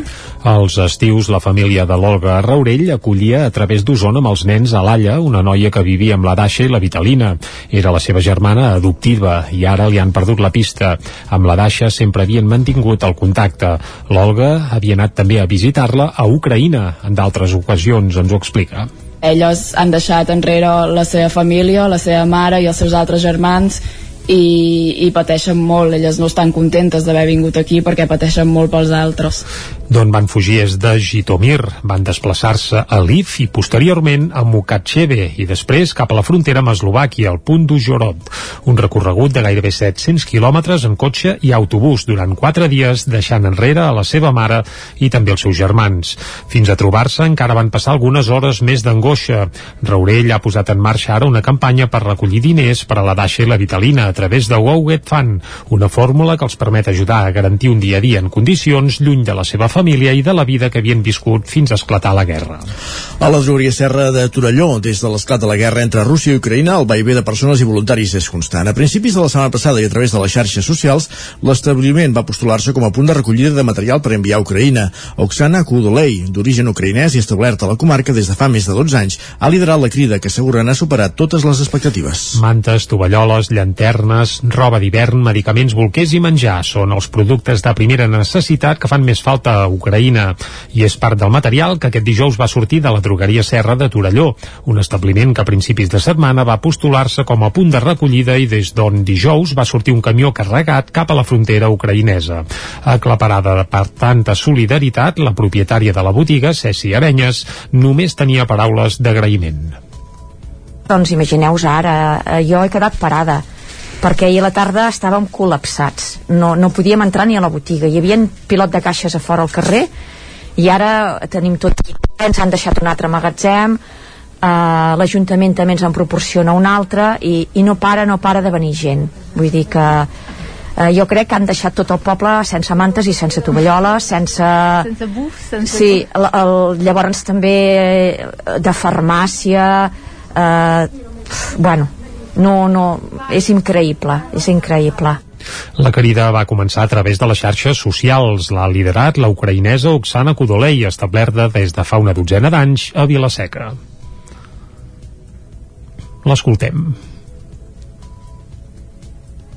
encara ja tenim tots més organitzat perquè, per exemple, ahir no? estaven una mica pot, eh, gent portant coses i nosaltres aquí fins a les 10 de la nit i mira, sí, uh, ara ja tenim és que necessitava un local perquè per a tenir lloc per guardar, ara que ja tenim, no? El Sí, local. ara ja en tenim, sí. Ens han deixat un sí. local molt gran i, bueno, ara ens podrem organitzar més bé, perquè era impossible poder organitzar tot el que teníem. Una part del material que recollien a Torelló havia d'arribar a Girona per posteriorment arribar fins a la frontera ucraïnesa. L'altre es va carregar en un segon camió polonès que aquests dies era a Osona. El camioner que havia portat fustes fins a la comarca es va oferir per portar material gratuïtament en el viatge de tornada. I també hi ha mostres de solidaritat poble ucraïnès al Vallès Oriental. A Cardedeu s'han establert diversos punts de recollida de materials de primera necessitat per poder enviar a Ucraïna. Dijous, el col·lectiu Crystal Nact convocava una concentració a la plaça Francesc Macià de Cardedeu per denunciar la situació que s'hi està vivint. Núria Lázaro, des de Ràdio Televisió Cardedeu. Davant la situació de conflicte bèl·lic amb Ucraïna, el col·lectiu Crystal Natch va convocar una concentració a la plaça Francesc Macià de Cardedeu, acompanyada de l'encesa d'espelmes i lectura de text. Una trobada per expressar amb emocions el conflicte que s'està vivint. Anna Maimir, del col·lectiu Crystal Natch. Nosaltres com a col·lectiu mm, tenim un projecte que és aquesta instal·lació de... són unes figures de fang que s'acompanyen d'aquesta llum, d'aquestes espelmes i d'unes veus i d'un espai sonor i mm, el que, el que d'alguna manera volem visibilitzar amb aquesta instal·lació, amb aquestes escultures és aquesta experiències migratòries no? que molt sovint són acompanyades de- d'experiències de, d'exilis de mm, persones que fugen de contextos bèl·lics, de guerra i llavors una mica seria, per nosaltres aquestes figures representen aquestes veus i aquestes experiències llavors eh, al llarg de la història no? I, i, el, el que estem vivint ara mateix no és, una, no és menys diguem Com a col·lectiu volien incloure altres realitats que s'estan vivint al món. estem parlant d'un- d'una guerra a Ucraïna però però que no ens oblidem i tenim molt present altres mm, conflictes que hi ha arreu del món, conflictes oberts a, al, al, al continent europeu, sense anar més lluny, i, i sobretot no, pensant en totes aquestes persones que ara mateix estan vivint desplaçades, refugiades, per, per motius polítics, per motius de guerra. Un acte lliure on es va fer la lectura d'un conte per a que els més petits poguessin entendre també una mica el que està passant a Ucraïna. Territori 17.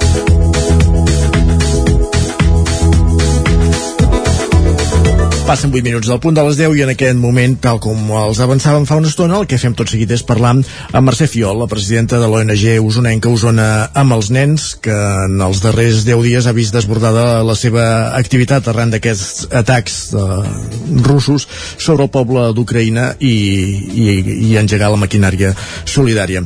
Mercè Fiol, bon dia, benvinguda al Territori 17 i gràcies per atendre'ns. Hola, bon dia. Bon dia. Uh, com dèiem, un, una ONG Osona amb els nens que sou actualitat, malauradament des del primer dia arran d'aquesta crisi bèl·lica. Divendres es presentava al Consell Comarcal d'Osona aquesta campanya Osona amb els, d'Osona amb els nens, conjuntament amb el Consell Comarcal i altres ajuntaments de suport a Ucraïna, en diversos àmbits. Un és l'acollida de refugiats o l'acollida d'ucraïnesos que fugen de, de, del seu país i l'altre és el, la part de, de solidària més amb, amb ajuda humanitària. Anem a PAMS, des del primer dia, de fet ja la setmana passada ja coneixíem que hi havia alguna noia ucraïnesa que havia estat a les estades d'estiu d'Osona amb els nens que s'havia avançat el conflicte i havia viatjat ja a Osona, però ara escoltàvem un altre testimoni d'aquestes noies que havien anat a buscar una parella de Vic. Eh, el contacte és permanent amb les persones que coneixeu, amb qui teniu vincles a, a Ucraïna i una mica la tasca és aquesta, no? Intentar buscar-los un lloc d'acollida, un lloc de sortida i fer arribar ajuda humanitària. Bé, eh, clar, nosaltres ens van començar a trucar, eh, no nosaltres directament, sinó a les famílies que havien tingut nanos i mosses de petits, que ara ja tots són adults. Llavors, eh, bueno, vam dir, bueno, no patiu, ens començarem a posar en marxa, buscarem... Però clar, vam decidir que no podíem només quedar-nos estancats a les famílies de, de que ja coneixíem, diguem. Llavors, s'ha obert una borsa d'habitatges conjuntament amb el Consell Comarcal i eh, oferim mm, habitatge compartit o sol per eh, tota la gent que arribi a Osona. Vosaltres com aneu rebent notícies de que va arribant gent a Osona, diguéssim, eh, quin, quines, quins canals teniu establerts? Mira, normalment són gent que, eh, era, que tenien coneguts aquí a Osona i llavors doncs ens truquen i comencem tot el procés que, que és primer la bossa d'habitatges a mirar si els hi queben a casa seu si no queben tots a casa seu intentar posar-los en un domicili i, i així ho anem fent mm. Uh, per, per oferir-se en aquesta borsa d'habitatge hi ha un enllaç uh, És públic? una enllaç que quan ens, ens truquen nosaltres l'enviem i més a més està publicat a les xarxes eh, tothom eh, el pot omplir. Qui estigui interessat en oferir algun habitatge o sencer o compartit. Molt bé. Uh, hi, ha, hi ha oferiments diguéssim? Uh, ara mateix a, qui- a quin nivell estem d'oferiments i de demanda parlem d'Osona. A Osona poder hi ha de 50-60 habitatges. Hi ha oferts, eh, diguéssim, pendents de, de poder acollir pendents de que quan arribi la gent poder-los poder utilitzar que, que és molt d'agrair perquè ficar-te gent desconeguda a casa és una mica complicat. Però la gent respon, respon molt bé molt bé, molt, molt bé. I quanta gent més o menys teniu comptabilitzada que ha anat arribant aquests dies Mira, en devem portar un, un, entre que arriben i que estan a punt d'arribar poder de 20, 20 a 25 déu nhi com dèiem, d'entrada són persones que tenen vinculacions amb, amb, amb famílies de, de la comarca i, els que, i els, els, les vies d'arribada tant pot ser per carretera com per avió com, com, com s'organitzen. això nosaltres no, no fem res de l'arribada. Normalment contacten amb la persona que tenen de contacte i llavors a nosaltres ens avisen i busquem el que ens diuen que està. Per exemple, et poden dir, venen quatre, però al cap de dues hores et poden dir, en venen sis. Uh -huh. vale? Llavors, tot anem a l'hora, a l'hora per anar eh, per anar podent col·locar les persones. Perfecte. I llavors hi ha l'altre vessant que és l'enviament d'ajuda humanitària. Ara sentíem les notícies que divendres sortia un primer camió des de, des de Torelló i que es continua recollint material, eh, tant material com diners, no? Diguéssim, perquè hi ha les dues vies. Aviam, nosaltres material no, ho són amb els nens, no ens hi hem posat a recollir material perquè eh, ja anàvem prou atrafegats amb l'altre, amb les trucades i amb això. Uh, que sí que, que coneixem a la gent que ho ha fet, eh? Però no hi estem vinculats a la recollida. Nosaltres el que sí que és, és hem obert, hem obert un compte perquè quan arribi la gent aquí hi ha molta gent que ha perdut la maleta pel camí, que se'ls pugui donar un cop de mà a l'arribada. Entesos, i un cop eh, i, i un cop establert aquest contacte, quin és el, el funcionament? És a dir, vosaltres dius eh, des d'Osona amb els nens directament no es fa l'ajuda humanitària, però sí que bueno, eh, s'hi col·labora d'alguna manera, no? No, col·laborar-hi no, eh? Vull dir, nosaltres coneixem a la gent amb l'ajuda que porten camions i coses cap allà. Osona amb els nens no hi col·labora. No hi col·labora no per res, perquè no pots posar a fer dues coses, o fas una o fas l'altra. Correcte, no, no hi ha mans per més. Eh? No, no. Sí, sí. I ens coneixeu que Osona amb els nens és una organització petitona i acostumada a fer una feina als estius i ara, eh, aviam, mm, hem hagut d'ampliar molt més, molt més el camp. I el contacte amb els nens, eh, és a dir, les famílies mantenen el contacte amb els nens que, que acullen els estius, d'alguna manera? N'hi ha, bueno, que ara tots són nois ja els d'Ucraïna, eh, normalment. Sí. I els nens ara... Nens Clar, és veritat, ja, ja ha crescut, cert. Vale, tots han crescut, ara és al revés, també la senyora, la mare, la tieta, eh, el, el fill, perquè els nois impossible sortir. Clar, hi ha, aquest, contra, hi ha aquest contratemps que els nois no poden sortir perquè són cridats al front, per entendre'ns. Eh? Exacte. Llavors, així, per les famílies normalment que han acollit anys enrere, tots mantenen un contacte. Hi ha algú que se l'ha perdut perquè han canviat de ciutat, han canviat de telèfon i potser és amb l'únic que, que, que deixen de pensar ai, els haig vist, ah, que he canviat. Però normalment les famílies hi tenen, hi tenen encara relació. Perfecte, doncs anirem vetllant com evoluciona tota aquesta situació perquè segurament anirem creixent el nombre d'ucraïnesos que van arribant a, a casa nostra, diguéssim, a la cerca d'aixopluc, no? la sortida per, per, per fugir d'aquest conflicte, malauradament. Exacte. Escolta, jo volia donar les gràcies principalment al Consell Comarcal perquè, aviam, sense ells no, podria, no podríem haver arribat amb, a on estem perquè hem tingut un suport terrible se'ns han posat a davant a moltes coses més legals i, eh, bueno, sort en tenim. Eh, L'ONG estem acostumats només a col·locar nens i ells, doncs, tot el tema que es necessita legalment eh, ens, han, ens han ajudat amb tot i més.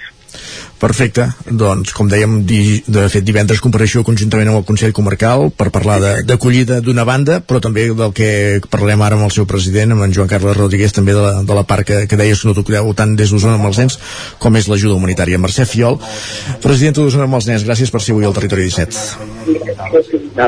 Bon dia. Bon dia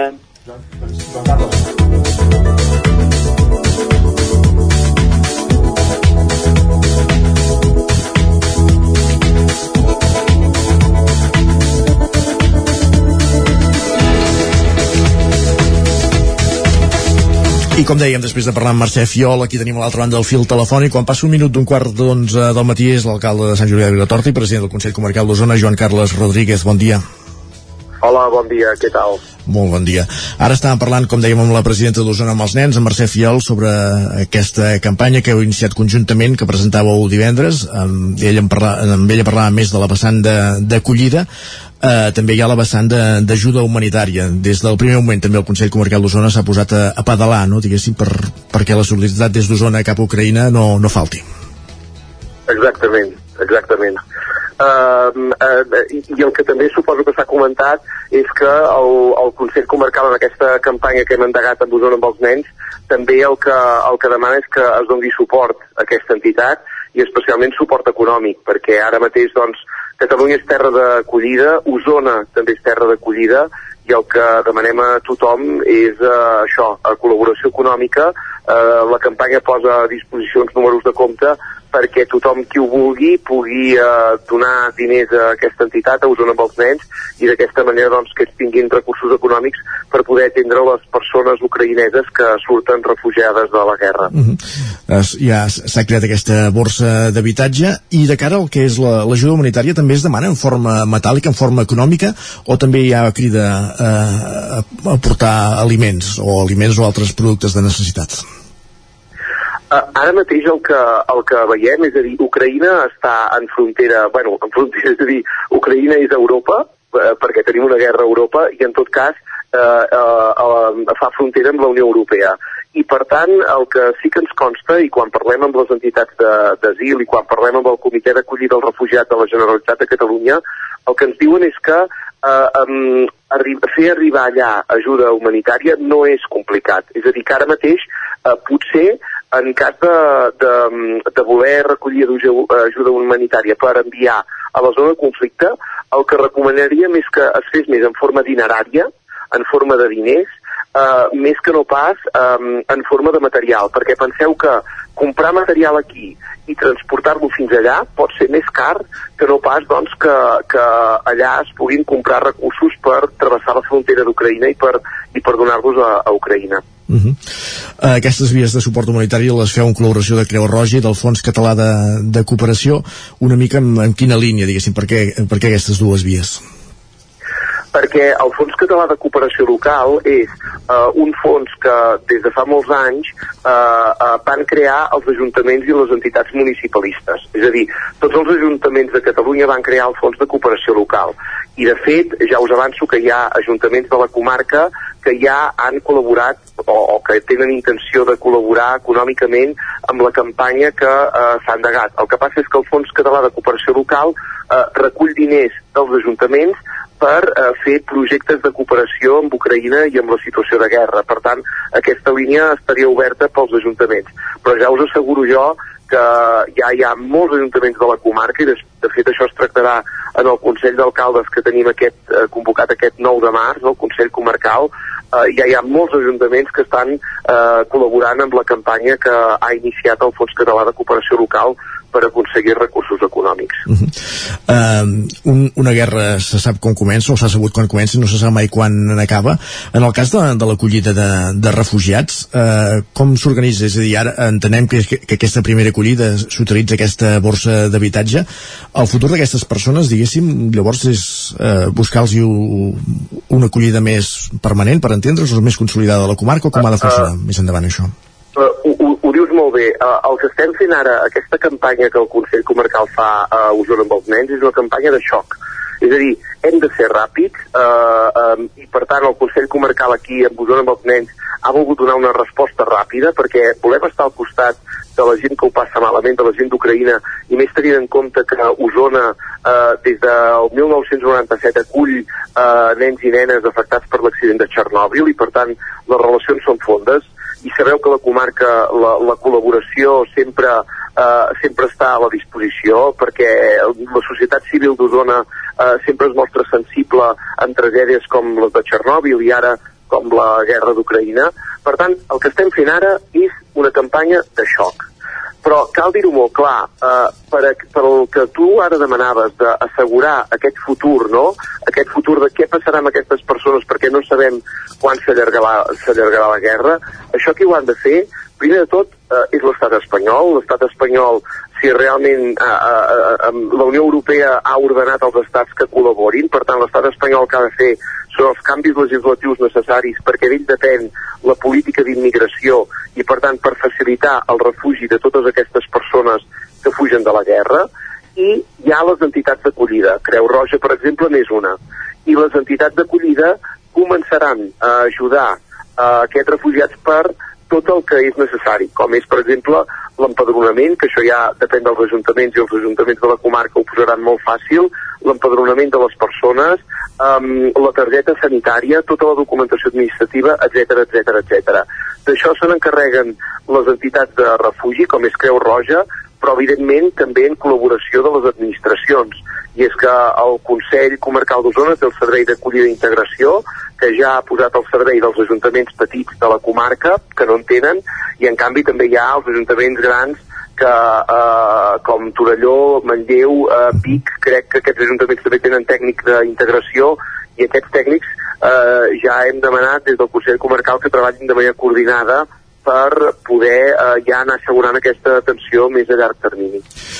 Uh, estàvem parlant d'aquesta campanya impulsada a Osona, entre el Consell Comarcal d'Osona coordinats amb Osona amb els nens i en diversos ajuntaments i també la Mancomunitat La Plana, amb en Joan Carles Rodríguez, president del Consell Comarcal d'Osona, però avui també a ningú se li escapa que en Joan Carles Rodríguez és alcalde de Sant Julià de Vilatorta i porteu uns dies moguts a Sant Julià també, l'altre dia llegíem a Twitter que deien que segurament són els dies, els 10 dies, portaves els 10 dies més difícils a, a l'alcaldia amb l'anunci del tancament d'aquest centre concertat de l'escola El Roser amb més de 120 anys de d'història al poble. Dissabte va haver-hi aquesta concentració on l'equip de govern hi va ser, també va, va donar la cara. Sentíem abans un tall de veu que eh, parlaves de, de responsabilitat en la gestió del centre, que és la que ha portat a aquesta situació. Sí, efectivament. Eh, és a dir, um, el, el patronat, no, la carta del patronat eh, deia que hi havia motius eh, de, de natalitat, de que per culpa de la pandèmia el centre tancava. Eh, jo no dic que això no sigui veritat, eh, no dic que això no sigui veritat. Segur que la pandèmia, la baixa natalitat, eh, etc eh, ha influït, però eh, eh, jo també eh, veient que en aquella manifestació eh, no hi havia l'equip eh, gestor del centre, veient que l'equip de gestió, perquè sí que hi havia el professorat, sí que hi havia el claustre de mestres, eh, allà l'Ajuntament estava donant la cara, però no hi havia l'equip de gestió. I, de veritat, eh, cadascú ha d'entendre quin és el seu paper. L'Ajuntament de Sant Julià de la Torta desconeix la situació econòmica del Col·legi del Roser, que depèn d'una fundació, i és que nosaltres no sabem res. I, per més que sabíem que la situació era difícil, i això ho sabíem des de fa mesos, i això ho sabia tothom, perquè que el col·legi no va bé és una cosa que es veu de fa eh, molt temps i que a més a més se'ns havia demanat de quines possibles col·laboracions hi podia haver, sí, no, eh, eh, sí, nosaltres hem demanat moltes vegades quin és el balanç de la Fundació, quin és l'estat econòmic. Si això, que encara avui en dia no ho sabem, encara avui dilluns no ho sabem, és impossible de saber eh, eh, si hi ha viabilitat per poder salvar el col·legi, cosa que ja avanço, eh? eh nosaltres, des de que vam saber el tancament, ens hem posat, eh, o sigui, des de dimecres de la setmana passada, ens hem posat al costat de, de l'AFA del Roser, al costat de les mestres, al costat també de, del Departament d'Educació, que crec que també el departament ens ha d'ajudar a analitzar quina és la, la situació de la Fundació i a partir d'aquí estudiar si és possible eh, revertir el tancament del centre. tot i que mm, no ens enganyarem, no sabem encara quina és la, la situació i jo ho sé d'una manera verbal arran d'una reunió amb el patronat, però mm, com insisteixo, no hem vist, eh, no, no tenim la informació eh, i per tant no sabem si, si hi ha alguna possibilitat. Eh, potser no n'hi ha cap, no ho sabem, però en tot cas estem tots compromesos, tota la comunitat educativa i l'Ajuntament de Sant Julià, estem absolutament compromesos a explorar totes les vies necessàries, totes les vies necessàries per veure si es pot revertir aquest tancament. perquè si s'acabés tancant, quina és la sortida? Aquests 220 alumnes no, crec, no, no sé si caben a l'escola pública. Bé, és que eh, això, eh, mm, l'Ajuntament i el Departament d'Educació també tenen obligació de treballar-ho.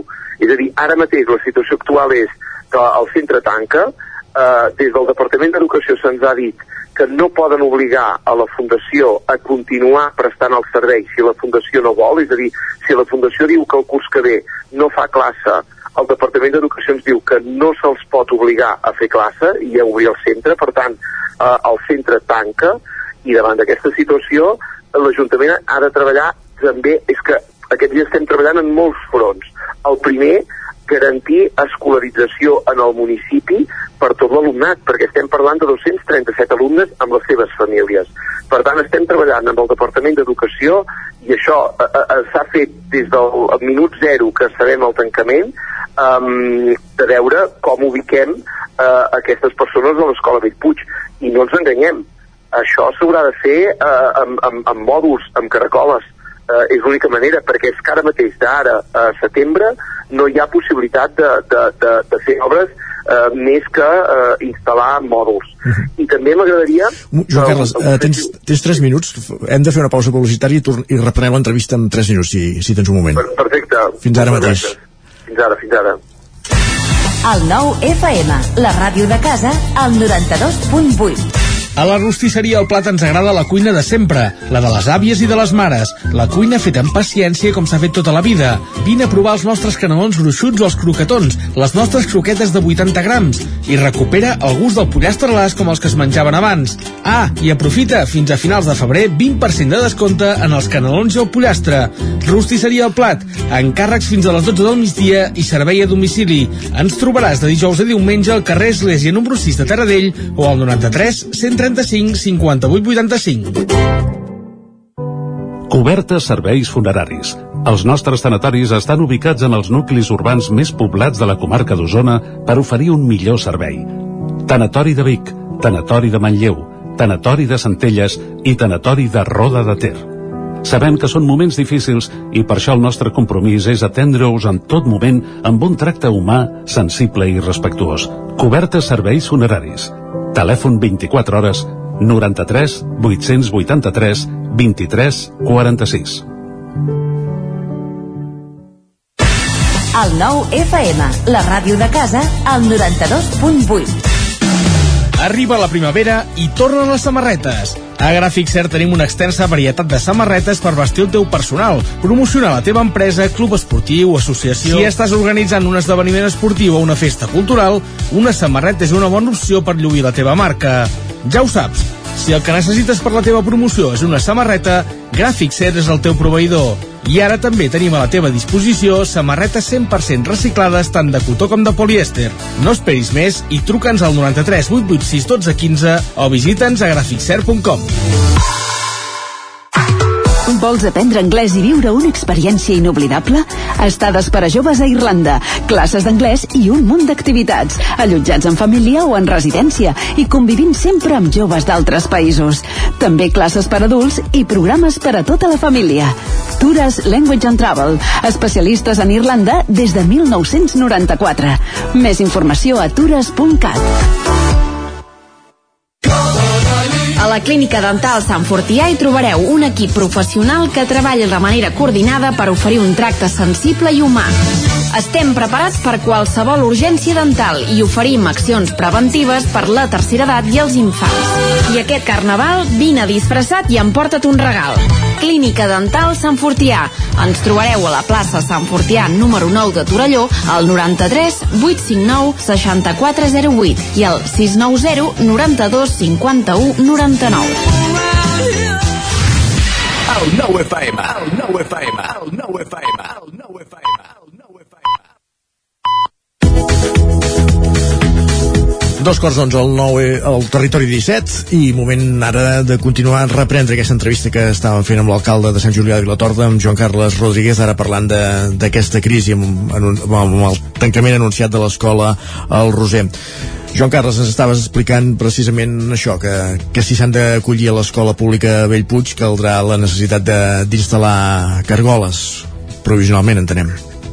Clar, i m'agradaria que us féssiu el càrrec de la situació que tindrem al municipi. És a dir, eh, tindrem a davant de l'escola Bellpuig eh, mòduls on aniran eh, on aniran evidentment els nens de l'escola Bellpuig, no són pels alumnes que vindran del Roser, seran per tots els alumnes del poble, eh, siguin de, provinguin del Bellpuig o provinguin del, del Roser, i tindrem unes carcoles davant de l'escola i en canvi tindrem un edifici monumental, patrimonial, que és un exemple de modernisme civil com és el Col·legi El Roser, que estarà tancat. Que estarà tancat. I, I per tant, a mi també m'agradaria que, que s'entengués la, la, la contradicció i avui eh, jo crec que també em veig amb l'obligació d'explicar-ho al conseller eh, de, de la situació que, que tenim al municipi. De totes maneres, si es, si es volgués, ara ja estem parlant de futurologia, eh, però si, si es volgués reaprofitar aquest edifici com a nova escola, per entendre'ns, caldrien, re- bueno, a banda que caldria l'adquisició o el lloguer o un acord en aquesta línia, caldria també reformes, no?, perquè té els seus anys aquest edifici. eh, caldria moltíssimes reformes que a més a més eh, eh, no, sé, eh, no sé com s'haurien de fer i, i, i jo també ho entenc, és a dir, el Departament d'Educació i l'Ajuntament ara mateix, el Departament d'Educació té l'obligació a partir de setembre d'instal·lar eh, eh, aquests mòduls i perquè el que ha de fer és donar sortida a l'escolarització dels nens del poble que ara mateix es queden sense plaça al Col·legi El Roser. Uh, el que passa és que bé, uh, intentem de parlar amb la Fundació i veure aviam si, si, si, hi hagués alguna, si hi hagués alguna possibilitat, però sí, sí, efectivament el col·legi necessita de, d'una reforma molt, molt, molt important. I una darrera pregunta, perquè això també ha planat aquests dies, és el fet que el Roser s'hi fa la primera part de, de l'educació secundària, de, de l'ESO, eh, i Sant Julià no es vol permetre perdre aquest, aquest servei. Eh, es planteja convertir el Bellpuig en institut d'escola? És una sortida també? Uh, això és una possible sortida, però el problema és que és impossible uh, que això es faci al setembre del 2022. I nosaltres ja ho hem dit, uh, uh, Sant Julià no pot perdre l'ESO. I no és que no pugui perdre l'ESO i, bueno, doncs, escolta'm, ara durant uns anys ens estem sense ESO ja ho farem d'aquí dos anys. Uh, és a dir, és que l'ESO, uh, Sant Julià, al setembre del 22, ha de, hi ha d'haver ESO, sigui públic o sigui concertat. És que com a l'equip de, a l'equip de govern tant li fa, però hi ha d'haver ESO. Per què? Perquè ja en el seu moment es va fer un institut de Call d'Atenes perquè a Sant Julià sí que s'impartia ESO i es feia ESO concertat. I, i per tant aquí va haver com un pacte hi va haver un pacte territorial entre alcaldes ja fa anys situant l'Institut de les Marques a Call d'Atenes cosa que nosaltres eh, sempre com a equip de govern de Sant Julià hem defensat i per exemple quan a les Margues eh, eh, es va començar a fer batxillerat eh, eh, Call d'Atenes va rebre tot l'equip de govern de l'Ajuntament de Call d'Atenes va rebre tot el suport de l'Ajuntament de Sant Julià perquè es faci batxillerat a, a les Margues.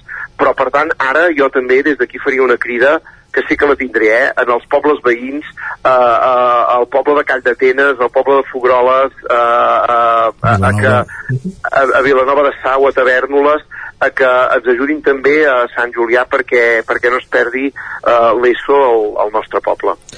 Queda dit, Joan Carles Rodríguez, alcalde de Sant Julià de Vilatorta, també president del Consell Comarcal d'Osona, hem parlat abans de la campanya solidària amb Ucraïna a l'inici de l'entrevista. Gràcies per ser avui al Territori 17. Gràcies a vosaltres Bon dia. i a reveure.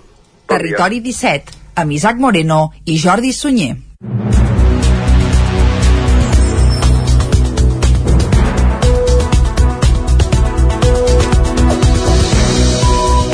Reprenem el fil de l'actualitat al territori 17 després d'aquesta entrevista, com dèiem, i moment d'actualitzar-nos, de continuar el relat informatiu, i ara anem fins al Ripollès, perquè els veïns del carrer Ramon Durc de Sant Joan de, les, de Sant Joan de les Abadesses recullen 931 signatures contra el carril bici de Sant Joan que passa pel seu carrer.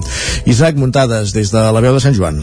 Aquest dijous, diversos representants dels veïns del carrer Ramon Durc de Sant Joan de les Abadeses van portar 931 signatures recollides en unes 3 setmanes a l'Ajuntament per demanar que suprimeixi el carril bici de 800 metres que s'ha pintat en aquest vial. El nombre de signatures recollides suposa que hi ha un 28,6% de la població que hi està en contra. Carme Guillamont, que viu just a sobre de l'inici del carril bici, va ser una de les persones que va portar les signatures al consistori, on no va ser-hi present l'alcalde Sant Joaní Ramon Roquer. Tot i això, el batlle va dir que tornaria a reunir-se amb els veïns i que donaria resposta a aquesta mobilització ciutadana de rebuig al conegut també com a eix cívic. Guillamont resumia quins són els principals problemes del carrer. Que el treguin perquè està creant molta inseguretat, la mobilitat no és tan bona com es pensaven, els nens era per anar a col·legi i al final els nens no, no fan servir aquest carril. La mobilitat de, de, de, bueno, d'arribar-se al cap, no només al cap, a la residència M, que és de gent gran, per la, per la família, pels treballadors que no saben on deixar el cotxe a vegades, es ajunta que quan hi ha un funeral o un obi que el tanatori està ple també i no saben, tenen el mateix problema d'aparcament. Però i no és només el tema aparcament, perquè avui les botigues també es queixen d'aquesta zona, perquè també abans ja compraven, descarregaven les ampolles, el que sigui, és un carrer mort ara pràcticament. Guillamont va revelar que quan es va reunir amb l'alcalde va poder veure que s'havia barallat l'opció de fer-lo passar per darrere del camp de futbol. La representant dels veïns suposava que es va optar per fer passar el carril bici pel Ramon Durc perquè era l'alternativa més fàcil i perquè el vial era més llarg i recte. La veïna subratllava que hi ha 39 comerços que havien col·laborat en la recollida de signatures i que també han signat una quinzena de persones que venen a comprar de fora. Sobre l'aparcament, Guillamont especifica que la zona verda és insuficient per la gent que ve del Pla del Roser, al barri de l'estació, de fora al poble comprar o fer encàrrecs, ja que amb una hora de temps no en tenen prou. Pel que fa a la seguretat, la veïna va insistir en que hi ha nens que van per la vorera amb la bicicleta o el patinet igualment, que van a tota velocitat o que passen en zig-zag per les pilones. També va queixar-se de la manca d'accés a la informació, dient que la pàgina web del consistori no la mira ningú i que es van trobar el carril bici pintat d'un dia per l'altre. L'equip Vilabots de Sant Pere de Vilamajor s'imposa a la desena edició de l'Afers Lego League Challenge, el torneig que va celebrar-se aquest dissabte a la Facultat de Ciències i Tecnologia de la Universitat de Vic. El segon classificat va ser l'equip dels Lego Làctics, una iniciativa familiar de millars de Llinars del Vallès que ja havia guanyat la competició en l'edició passada. El tercer premi se'l van dur els Last Call de Montcada i Reixac. Tots tres van obtenir la classificació per a la gran final estatal que es farà el proper dia 2 d'abril a Màlaga. Els Vilabots, que l'any passat havien obtingut la tercera posició, van guanyar la prova per partida doble, ja que també van rebre una menció especial pel projecte d'innovació que li permetrà participar a la final estatal per accedir al Global Innovation Awards, un premi internacional que té l'objectiu d'encoratjar els equips a buscar les solucions més innovadores als problemes reals. El campionat que es va retransmetre en directe per al nou TV des de l'Aula Magna de la Universitat de Vic i altres espais de la Facultat de Ciències i Tecnologia va comptar amb la participació de 240 joves d'entre 10 i 16 anys de 33 equips d'arreu del Principat. En el desenvolupament de la competició, tots els equips van haver de posar a prova els seus robots en tres rondes de torneig i alhora presentar el seu projecte científic relacionat amb el lema Cargo Connect, que girava entorn del transport i la logística. Per últim, els participants també van haver d'explicar el disseny del seu robot. Esports. I a la pàgina esportiva els expliquem que la Saltamarrades de Santa Maria d'Oló arriba a la desena edició plenament consolidada. La cursa de muntanya ha reunit 300 corredors, que era el campàs des d'Ona Codinenca amb tres modalitats diferents de cursa, 6, 12 i 21 quilòmetres, la desena Saltamarrades ha estat tota una festa. En la cursa de mitja marató el guanyador ha estat Carles Reposo de Balsareny amb un temps d'una hora i 44 minuts. Sort, eh, hem començat a un ritme bastant alt, Um, bueno, a mi uh, córrer al pla i així amb, amb falso llano se'm dona força bé i aquí ha sigut on he pogut començar a agafar avantatge i ja a partir del quilòmetre 6 o 7 he anat, he anat obrint forat i m'ha permès portar tota la cursa a un ritme d'anar a la idea però suau perquè no tenia ningú que, que m'anés apretant i així fins a meta vull dir, eh, el rendiment i el resultat molt, molt content En categoria femenina, la primera dona ha estat la Meritxell Bonet, amb un temps de 2 hores 38 minuts. Ella mateixa explicava que Sa es va aturar a ajudar una corredora lesionada. El recorregut molt trencacames, molt puja i baixa, però bé. Fins al quilòmetre 11 m'he anat bastant primera, després la segona noia m'ha adelantat i al cap de potser dos quilòmetres me l'he trobat a terra que s'havia esguinçat el peu. I bueno, res, hem trucat a l'organització, l'han vingut a buscar i després he pogut continuar la cursa. La Saltamarrades cada any presenta recorreguts diferents a partir de camins antics, perduts amb el pas del temps i que són recuperats pel Centre Excursionista d'Olor durant l'any. Aquest any, amb motiu de la celebració del desè aniversari, tots els participants han rebut una samarreta commemorativa.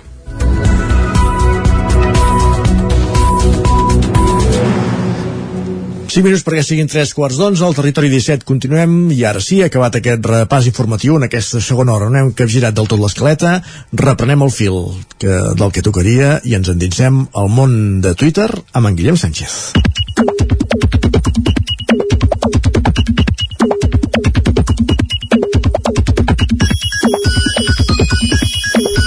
I en Guillem ja el tenim aquí i ja el podem saludar. Guillem, bon dia. Bon dia, Jordi. Bon I dia, bona hora, Isaac. bon de tot, bon, Bon cap de setmana.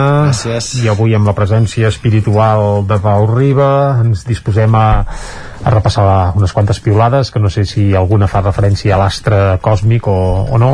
No, temes musicals de moment els hem deixat a part, però bé, els podem Bé, recuperar també. no, no, altre- espiritualment, com que ja hi són, eh, tampoc cal... Bé, bé hi són i, i, i punt, però arrenquem-ho, va, vinga, una mica més tard del que és habitual, Guillem. Doncs va, no sé si ha recuperat l'energia després d'aquests dos dies de cap de setmana. De fet, el divendres passat l'Antoni ja en relatava una situació que m'hi ha fet pensar. Ens escrivia, un company ha passat davant meu i m'ha dit fin de fin de fin de amb una il·lusió i un brillar d'ulls que no ha calgut dir res més. Estic per donar-li 50 euros i que disfruti. Suposo que li devia anar bé a aquest company de l'Antoni. No sé si aquest eh, company doncs, durant el cap de setmana va participar o va veure algun de la llau de partits i competicions d'esport base que a vegades se celebren i que fan reflexionar també els pares. L'Arnau ens escrivia mai apuntaria al meu fill a fer algun esport competitiu que requerís que jo perdés tot el dissabte assegut en un banc mirant com corre darrere una pilota. No diguis mai d'aquesta aigua no en veuré. Ara ho has dit. Uh, que sigui pap, bueno, ja està, queda dit. I ho dic per... Per experiència, Per no? experiència, sí, sí. De fet, l'Arnau ha, ha rebut algunes respostes a aquest comentari, com la d'aquest usuari que ens escriu si és el teu fill, tu ets el seu pare i ell gaudeix, no estaries perdent el temps. Evidentment. I tota la raó que té. Va, aquest diumenge es van entregar els Premis Gaudí, comentaris com els següents sempre acaben apareixent. La Cèlia ens escrivia per quan uns premis del cinema en català. Jo no vaig veure la gala, però pel que no llegim per xarxes em sembla que sempre hi ha una mica de, de polèmica, no?, entorn de, Bé, de que la llengua. polèmica diria que no n'hi ha gaire, però clar, és evident És que pel·lícules evidència. en català uh, o grates o vas amb un, amb un microscopi jo crec que, que n'hi havia Isaac l'Isaac que va Sí, és, que cas de les, és a dir, de les pel·lícules que optaven principal, els premis principals, Mhm. em sembla que, és que en total hi havia 10 pel·lícules, eh? tampoc era d'allò, i eren 6 en castellà i 4 en català. Sí, Bé, i dic. aquestes quatre en català també caldria agafar-ho entre amb moltes no? cometes perquè en català català crec que eren un parell eh? la Neus Oh. Ballús, el català sí, apareixia però és testimonial, amb algun altre també i sí, a la de l'Agustí Villaronga per exemple, que no va rebre cap premi crec, doncs aquesta sí que és sí, íntegrament en català, veus? i curiosament és una de les poques que no es van dur res. Doncs l'Ester en, l'Ester en aquest àmbit també ens feia la següent piulada, ens diu els Gaudí sempre em deixen el mateix sentiment agradós, els premis no haurien de ser per a pel·lícules fetes per catalans, sinó per a pel·lícules fetes en català. I eh, ara dues reflexions també al voltant de, del cinema i d'aquesta gala, l'Anna Saez que ens deia que els Premis Gaudí comencin a les 10 de la nit o els Goya no és ni mig normal i també la de l'Anna Pont que ens diu penseu que amb els personatges que observo cada dia al bar on esmorzo podria fer una pel·lícula que opetaria els Premis Gaudí i també els Oscars. Doncs animem a que la pugui que la fer. faci, tant, i tant. Animem que la pugui fer perquè ens, ens agradaria poder-la poder veure. Segur. També li responen a la mateixa Anna, li diuen els personatges dels esmorzars entre setmanes són per a fer una sèrie, amb una pel·lícula no en faríem prou, m'incloc. I parlant de sèries, un gran tuit de la Marta, a veure si esteu d'acord. Diu, acabo de recordar que a la visita de Portes Obertes una persona va dir que la biblioteca té molta llum i se'n va escapar un sí, sembla Lloret i crec que no va pillar la referència. doncs mira ja hi ets tu perquè l'acabi de pescar Parlant de llum i de Premis Gaudí, el Gaudí d'Honor pel, pel rodenc eh, Tomàs Pladevall, eh? i van encendre una bombeta en directe, eh? Correcte. fent màgia i, eh, vaja, allò, posant-hi llum. I I ras i curt. I ombres, també, sí. Per cert, el documental que repassa la seva trajectòria precisament es diu Ombres, més que llum. Doncs qui el vulgui recordar el pot recordar perfectament. La Nane es nota, nota que es va fent gran i ens ho escriu també per Twitter. Diu, un dia jove i l'endemà t'estàs menjant les vores de la pizza de la teva filla. No sé si...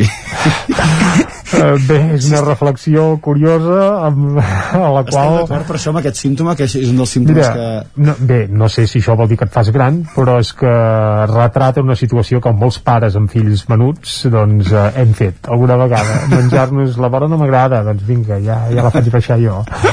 Sí, sí, la subscric però això no vol dir que s'estigui fent gran Això vol dir que està- sentit, això vol dir que tens fills petits a casa que ras està i adquirint experiència. Va, i I, el, I el menjar i els àpats són importants per solucionar alguns aspectes de la vida, com ens escriu l'Artur. Diu, de vegades només necessites un cap de setmana de llargues sobretaules amb les amigues i de cop s'arreglen tantes coses. Doncs espero que s'hagin pogut eh, arreglar amb, I tant que sí. amb molt de gust. Arreglar el món amb una sobretaula és fantàstic. Quan s'acaba veus que està tot igual, però veja, almenys eh, t'has redimit i t'has deixat anar. i al cap i al cap d'unes hores torna a ser dilluns i tornen a les rutines i llavors Mm. eh, passa el que ens escriu la Cris que diu les 8 del matí i ja pensant en què faré per sopar li queda l'esmorzar i el dinar i si brena doncs el berenar per tant jo li recomanaria cada cosa al seu lloc i xinutxano i anar fent tu ja estàs pensant en el sopar Guillem però pos- Però, ah. Potser la Cristina té resolt què farà per dinar i per esmorzar i, ara- i ara el seu següent Ah, repte és el sí, sopar, potser sí. clar. I, no, I a vegades no és una tasca fàcil saber què faràs a cada eh? és veritat, no, no, això també podria donar per molt eh? aquí podríem posar molta cullerada que faci una foto i que ens enviï també per Twitter i a veure si ho podem comentar demà a veure què, què se li va acudir per, per el sopar d'avui al vespre. Va, que ens ho expliqui i si n'hi sobra que ens el porti també, que nosaltres si hi ha teca escolta, sempre estem Sempre oberts ens hi posem bé. i tant, evidentment, només faltaria. Va, moltes gràcies Moltes gràcies Guillem, a vosaltres. fem un cop d'ull ara mateix al que es diu al 99.cat comencem per l'edició d'Osona i el Ripollès. Obre parlant precisament del Roser de Sant Julià de Vilatorta, aquesta escola que tancarà a finals d'aquest curs, n'hem parlat amb el seu alcalde Joan Carles Rodríguez Uh, bé, fa, fa res, fa uns minuts. També apareix a la portada els Gaudí també premien a Clara Roquet, aquesta cineasta de malla que ahir va fer col·lecció d'estatuetes, i que Interior ampliarà la comissaria de Mollà i duplicarà, i duplicarà els agents per donar servei les 24 hores del dia, en aquest cas a la comarca del Moianès. Anem ara cap al Vallès Oriental, ràpidament, també obren amb els Premis Gaudí, Neus Ballús i els lampistes de 6 dies corrents triomfen els Gaudí amb 5 premis, i també Núria Muñoz dirigirà l'equip electoral de Podem a Mollet i a part també apareix que dos detinguts amb un tornès enxampats robant caixes amb cosmètics d'un camió estacionat en un polígon. Carai, que complicat. Sí, déu nhi aparques un camió en un polígon, portes cosmètics i resulta que no et roben el camió però et roben el que dus a dins. Bé, eh, esperem que aviam si es pot resoldre eh, a fi de bé tot plegat. Per cert, també lligat amb això, topa amb un altre cotxe i acaba impactant contra la façana d'un bar a Granollers i tot il·lustrat amb una fotografia espectacular eh, que bé, mm, també és una de les notícies que apareixen al 9-9 del Vallès Oriental i la foto val la pena. Molt bé, doncs fet aquest repàs i haver repassat també el món digital, moment ara sí d'anar cap a repassar esportivament parlant com ha anat el cap de setmana pels equips de les comarques del territori 17. Territori 17. Envia'ns les teves notes de veu per WhatsApp al 646 079 023. 646 079 023. WhatsApp Territori 17.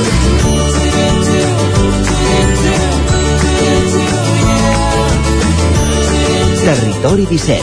Som a Facebook, Twitter i Instagram amb l'usuari Territori 17.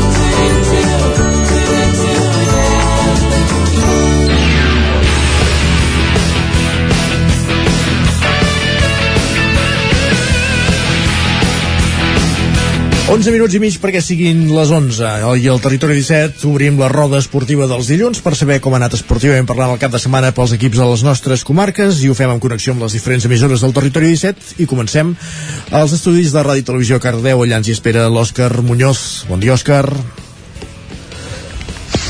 Doncs comencem el repàs esportiu amb la victòria del primer equip ahir a casa contra l'Argentona per dos gols a 1. L'Argentona es va avançar al marcador al minut 33, però el Cardedeu va saber remuntar el partit al principi i al final de la segona part, amb gols al 48 i al 89. Ens anem a la tercera catalana, on el filial del Cardedeu va marxar ahir de la Vilanova del Vallès, també amb una victòria per dos gols a tres, igual que el primer equip els hi va tocar remuntar, en aquest cas, els dos gols del Vilanova al minut 2 i al 12. Cardedeu guanyaria fent una a la primera i dos a la segona. I a la mateixa lliga, la tercera, el Llinàs també va guanyar el Palau Tordera per dos gols a un, un partit que es va jugar a porta tancada, com vam comentar, perquè es va liar una miqueta en el partit anterior contra el Vilamajor. En aquest cas, el, en aquest partit, el Llinàs va començar dominant i així va ser fins al final i va acabar amb aquest resultat de dos gols a un. I acabem amb el futbol, amb l'Esport Club, que ja no el tenim situat a la quinzena posició després de guanyar per un gol a zero contra el Sants.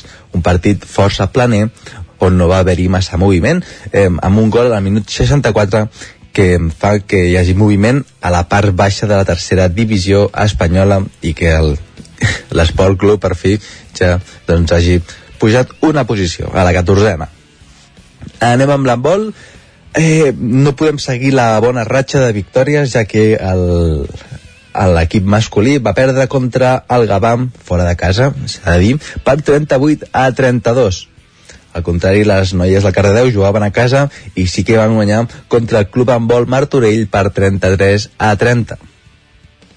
I acabem amb l'handbol, no a Cardedeu, sinó a Granollers. Les noies del Cacset tenien festa, així que acabem amb el Franking, que no va poder a casa del Barça, i va perdre per 37 a 33 tot i a la derrota, el Granollers doncs, va jugar molt bon partit i va posar contra les cordes el primer classificat de la Lliga Sobal, que és el Barça. Home, el resultat ho denota, 37-33, 4 gols de diferència només en un partit d'handbol, pot ser sinònim d'igualtat, evidentment. Gràcies, Òscar. Anem cap a Ona Codinenca amb la Caral Campàs per conèixer els equips d'aquest entorn de, de Sant Feliu, de Caldes, de Vigues i del Moianès, per saber com ha anat el cap de setmana, Caral.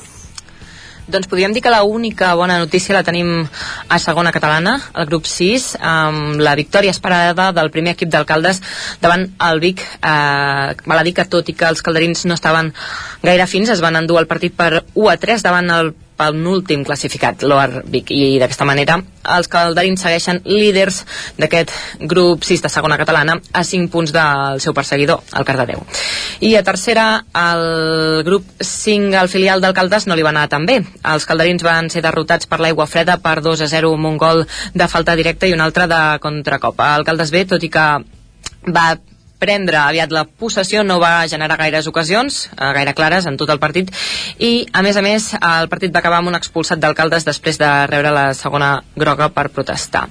I el Mollà ha caigut golejat pel Sant Feliu de Codines. En aquest derbi territori 17 eh, un autogol al primer minut va descol·locar el Mollà i bé, el Sant Feliu va anar per feina i, i no va trigar a fer el segon. I bé, després de, de diversos intents dels de la capital del Moianès i la segona groga per un dels jugadors eh, els portaven a la segona part amb, el, amb 0-4 al marcador però bé, finalment el Mollà va marcar aquest únic gol al minut 76 que tancava el marcador amb, un 1 a 4 a favor de, del Sant Feliu de Codines. I eh, tanco el futbol amb la derrota esperada del Castell Tarsol davant el Voltregà aquest cap de setmana en un partit que va acabar per 2 a 1 el Voltregà es va imposar al Castell Tarsol per seguir líder i mantenir doncs, l'avantatge amb els seus perseguidors. I el partit eh, val a dir que va estar igualat en el marcador amb aquest 2-1 però no en el joc en el qual doncs, va estar molt millor el conjunt usonenc i en hoquei eh, tampoc ha anat bé a cap dels equips. Eh, les noies de, del Vigas s'han quedat sense poder disputar la Copa de la Reina. Eh, tot i que ho tenien tot de cara, perquè les Rozas, que era contra disputaven, és un equip situat a la part baixa de la taula, a més només necessitaven un empat per certificar la vuitena posició, però bé, les del Vigas finalment van ser derrotades per 1 a 2 per les uh, Rozas. I el Sant Feliu de Codines, a segona divisió de la, de l'Hockey Lliga, ha perdut per la mínima davant el Vendrell, eh, després de la victòria de la setmana passada amb el Roig Chapea, eh, amb el debut d'aquest nou entrenador, eh, Climent Pedrós, doncs aquest cap de setmana buscaven consolidar aquesta millora a la pista del Vendrell, però bé, finalment van caure per dos a 1 i aquesta derrota torna a costar el Sant Feliu a la zona de descens. I acabo amb el rec amb les Caldes, que, que està a primera divisió i també ha sigut derrotat en aquest cas pel pas al Coi uh, per 1 a 3 i bé, d'aquesta manera desgraciadament els de la Torre Roja encadenen la quarta derrota consecutiva a l'Hockey Lliga. Gràcies, Cal Caral, per tant, parlem més tard. Fins ara. Fins ara. I eh, continuem aquest recorregut als estudis de l'Hora de Sant Joan amb l'Isaac Muntades. Bon dia, Isaac. Bon dia, bon dia, Isaac. Com anava doncs, doncs bé, bé, ha anat eh, relativament bé. Si us sembla, comencem amb un apunt d'atletisme amb la corredora d'Ugassa, Clàudia Trems, que va aconseguir doncs, una meritòria tercera posició a la Transgran Canària, la cursa de 126 quilòmetres i gairebé 7.000 metres desnivell positiu. Eh, va fer un temps de 16 hores 45 minuts i 35 segons i només va ser superada per la guanyadora Ragna de Bats, que és una holandesa fincada a Catalunya, i la nord-americana Abby Hall. Per tant, molt bona cursa de, de Clàudia Trems que es va consolidant com una de les grans uh, tra trail runners doncs, de, de Catalunya i evidentment de, de la comarca de, del Ripollès. Mm, pel que fa al futbol el subgrup A de la segona catalana el Camprodon eh, va empatar a casa contra el Llançal, penúltim classificat, en un partit on va ser superior, però no va aconseguir doncs, eh, guanyar-lo, eh, tot i començar perdent 0 a 1 eh, amb un gol de, de Rodríguez, Edu Planella va aconseguir empatar ràpidament gràcies a una assistència de, de Jordi Planella. En una bona jugada per la banda Pol va capgirar el marcador i en la següent eh, jugada una bona aturada de sala va anar a peus d'un defensa que va enviar-la a un jugador doncs, del llançar perquè, perquè fes l'empat en un rebot desafortunat. A la segona part Edu Planella feia el seu doblet amb un xut creuat però Granollers eh, empatava en, un, en una rematada tot sol al primer pal, per tant el Camprodon no va poder guanyar i ara té 8 punts a falta d'un partit i el, llanç, i el llançar 10 per tant eh, gairebé el 100% acabarà cué, serà molt difícil. Um, en canvi el grup 19 de la tercera catalana sembla que la Badesenc comença a trobar els bons resultats arran de la millora del seu futbol. Els Sant Joanins van golejar 7 a 1 a les preses en un gran partit dels locals en moltes ocasions, haurien pogut guanyar per molt més, uh, la mitja part guanyaven 5 a 0, en 10 minuts uh, Àlex de Cap i Edgar de Penal havien fet uh, dos gols, Cruz va fer el tercer amb un xut per l'escaire des de fora l'àrea Dani també en una gran jugada individual va fer el, el quart i Àlex va fer la maneta en una jugada idèntica al seu primer gol. També va fer després de la segona part el triplet amb un altre gol de cap de córner uh, Fortet va reduir diferències amb un gol de córner també i Cruz va tancar la golejada al minut 60 vull dir que es va acabar. Després ja el partit va cessar l'hostilitat i, i la Badesenc doncs, va aconseguir aquesta golejada setem 31 punts. El Camp de Bànol, eh, tot i no poder guanyar sí que va reaccionar al camp del Fornells amb un bon empat a dos, amb una part per cada equip. En la primera els locals van ser superiors però el Canal també va aconseguir eh, reaccionar Justo va fer el primer en un, aprofitant un refús dins l'àrea, Alcalde també va empatar aprofitant un altre refús, a la segona part Frigola va rematar una centrada al segon pal per, per tornar a posar el 2 a 1 i Maideu va empatar uh, de falta. Ara el Camp de Bànol és 6 amb 35 punts i per acabar uh, dir-vos que l'Hockey Club Ripoll sí que finalment va jugar un partit de la fase primera catalana uh, però en comptes de jugar a casa contra el Farners, que és el que li hagués tocat van capgirar-ho i van jugar el partit a la pista dels de la Selva doncs, per guanyar aquesta, aquesta jornada. Van empatar a 4 en una primera meitat molt igualada, que va acabar amb empat a 2. A la segona part els locals es van posar 4 a 2 i semblava que acabarien guanyant, però el Ripoll doncs, va aconseguir empatar amb, amb un triplet de Jaume i un gol d'In Martín. Continua cinquè amb 10 punts uh, i ara mateix està a 3 punts de competir pel play-off pel, pel títol. Perfecte, Isaac. Moltíssimes gràcies. Parlem després de la tertúlia. Fins després. Ara. Acabem aquest recorregut als estudis del 9FM a Vic en companyia de l'Ester Rovira. Bon dia, Ester. Bon dia. Com ha anat el cap de setmana pels equips usonencs? Doncs hi ha hagut una mica de, de tot en un cap de setmana amb partits destacats d'aquells que omplen pavellons, eh, com va ser el cas de, del derbi de l'Hockey Lliga, però també el partit de la Lliga EVA que enfrontava el Club Bàsquet Vic amb, amb el Barça, eh, que va registrar una gran entrada al castell d'Emplanes, de, per tant, partits destacats aquest cap de setmana i comencem, si us sembla, per aquest derbi entre eh, el Martinelli amb el Lleu i el Voltregà Ester Motor, eh, que malgrat que el marcador final va ser de 3 a 6, doncs va tenir fases i moments de, de tot uh, per, als, per als dos conjunts. Al final doncs va acabar, acabar, el, uh, acabar guanyant el Voltregà que ja s'havien portat també el partit d'anar de Sant Hipòlit gràcies a la seva efectivitat de cara a porteria tant en jugades com a bola aturada perquè també va fer uh, dels sis gols un de penal i dos de, dos de falta directa. Um, recordem que era un duel d'urgències perquè els dos equips es trobaven en posicions de, de play-out per la permanència.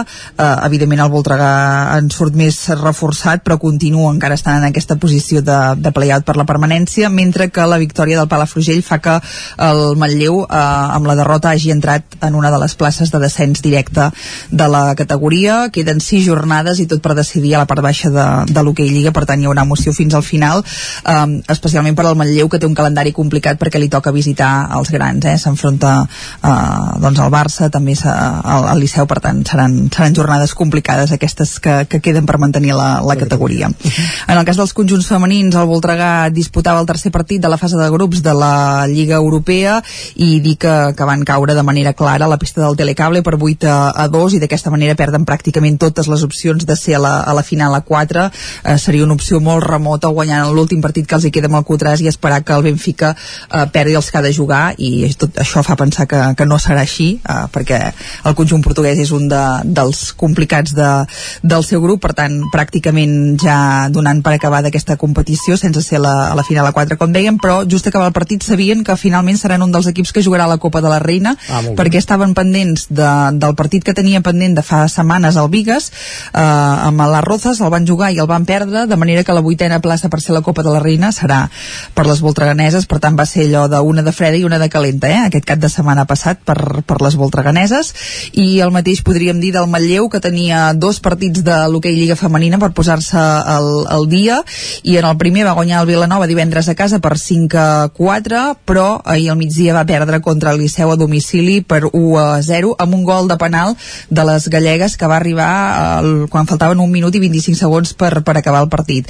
Uh, sí, va ser sobretot una primera part millor del Manlleu però que no va acabar de, de trobar la manera de superar l'ex voltreganesa Vicky Careta sota pals i a la segona el partit es va igualar i es podria haver de cantar per qualsevol banda i al final un penal va acabar afavorint uh, a les locals. Per tant d'una setmana que, havia, que podia ser de 9 punts per al Manlleu recordem que dimarts van caure amb el Telecable van guanyar això sí divendres a casa amb el Vilanova però van tornar a perdre ahir a, contra, el, contra el Liceu. Es continuen terceres això sí a la classificació i per tant en places d'aquest play-off per, al, per al títol de, de la competició.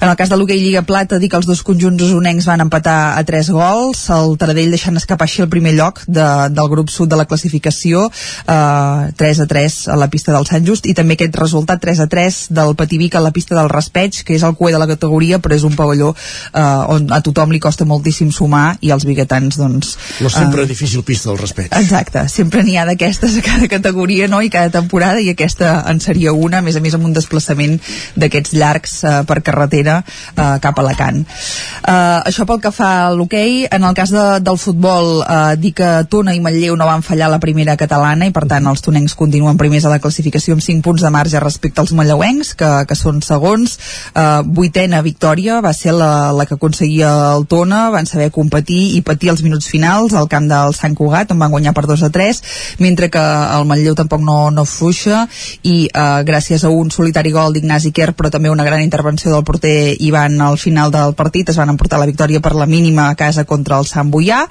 El Vic, per la seva banda, va aconseguir un empat insuficient eh, contra el Júpiter en un partit ensupit i sense gols, i el Vic primer que continua enfonsant-se a la classificació. Eh, aquest cap de setmana rebien el Sabadell Nord i van perdre per 1 a, a 2 um, contra el penúltim classificat, per tant un rival directe en aquesta seva zona, zona baixa uh, on continuen doncs això, últims amb només 8 punts sumats en el que portem de, de temporada.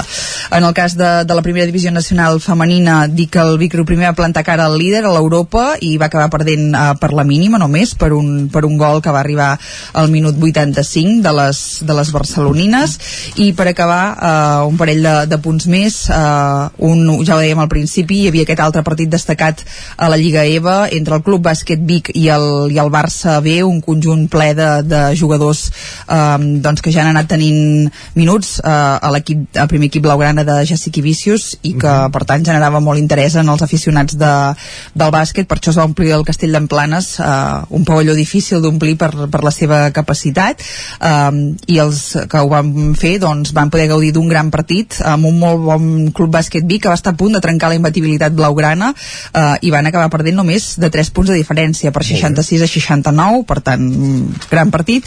I eh, dir també que aquest cap de setmana es disputava les finals del torneig ITF de, de tennis de, de Torelló on Imanol López va resultar-ne el, el guanyador i també aquest cap de setmana eh, començava la temporada de shows de patinatge al Castell d'Emplanes, si dissabte es va omplir pel bàsquet, diumenge ho va tornar a fer pel, pel patinatge, amb la primera fase de, de, del territorial de, de Barcelona competien els eh, quartets i els grups eh, grans i dir que, per exemple, en clau osonenca hi va haver eh, podis de, de tots els participants de, del Club de Patinatge Artístic de Tona, de, del Matlleu i del Roda. Per tant, bona arrencada de, de la temporada i dir que d'aquí a 15 dies es farà la segona fase per als altres grups eh, de, de shows i també serà al Castell d'Emplanes. De, Perfecte, doncs també ho explicarem. Moltíssimes gràcies, Esther. Que vagi bé. Bon dia.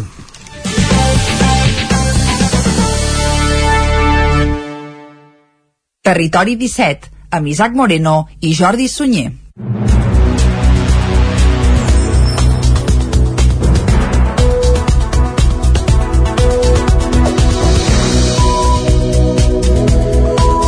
Passa 5 minuts de les 11 i el territori 17, moment de les notícies, d'actualitzar-nos. Des que a principis de la setmana passada es va fer públic l'anunci del tancament de l'escola El Roser de Sant Julià i la Torta, la comunitat educativa del centre està en peu de guerra. I dissabte més de 300 persones es van concentrar davant del pati de l'escola per demanar a la Fundació Privada Puig i Cunyer, que és l'entitat que gestiona el centre, que no tanqui les seves portes.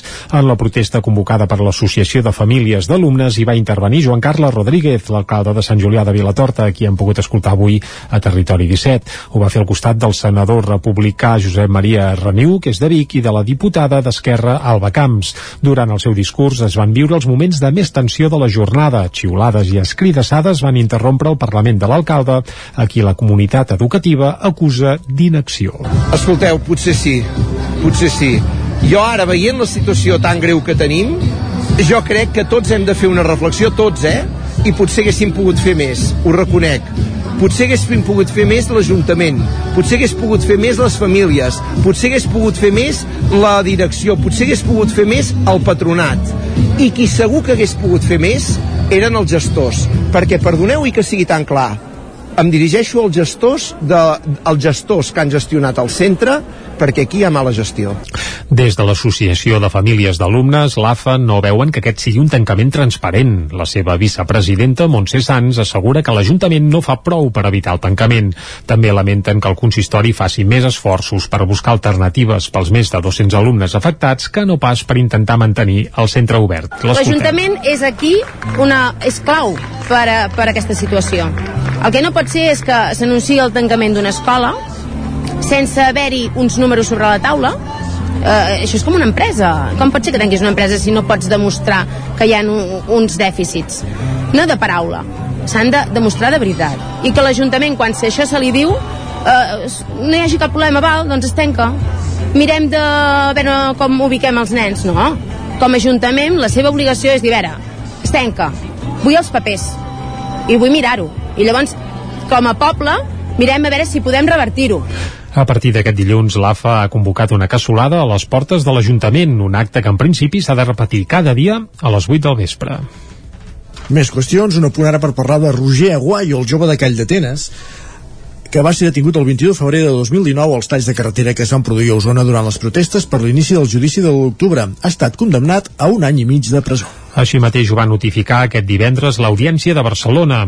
En un fil de Twitter, el seu advocat, César Lagónigro, va valorar d'injusta la sentència i va dir textualment que l'òrgan jurídic no ha tingut valentia per absoldre el seu client. La condemna del jutge per sobre de l'any de presó, tal i com demanava la Fiscalia, no comportarà l'empresonament del jove de Call d'Atenes, que no té antecedents penals.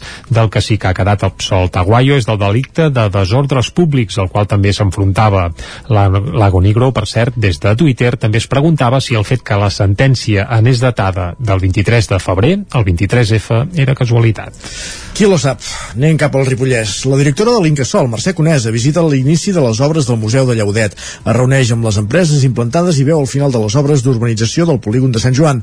Isaac Muntades, des de la veu de Sant Joan. Aquest dimecres, la directora de l'Institut Català del Sol, Mercè Conesa, va visitar la colònia Llaudet de Sant Joan de les Abadeses. Conesa, en representació de la vicepresidència del govern de la Generalitat, va poder veure in situ l'inici de les obres del Museu de Llaudet, el projecte museístic que forma part del projecte PEC Girona, Patrimoni Actiu, i que ha de portar valor cultural a l'espai i oferir sales de reunió i de cotreball a les empreses que hi ha implantades. Conesa va comentar quina inversió i previsions contemplen sobre aquesta actuació al sector de la nau vella de Llaudet a l'inici de la colònia. De fet, com sabeu, el vicepresident Puigneró, conjuntament amb l'alcalde i Incasol, van signar ja l'any passat aquest conveni d'una inversió d'aproximadament 800.000 euros en aquest museu i, com hem pogut veure, doncs, les obres ja estan iniciades. Això ja ens dona i ens indica no, quina és l'aposta del govern de Catalunya per aquesta colònia Llaudet. Aquestes obres, eh, jo crec que en 18 mesos aproximadament no, hauríem de ja eh, veure una realitat. Crec que estan avançant molt de pressa perquè,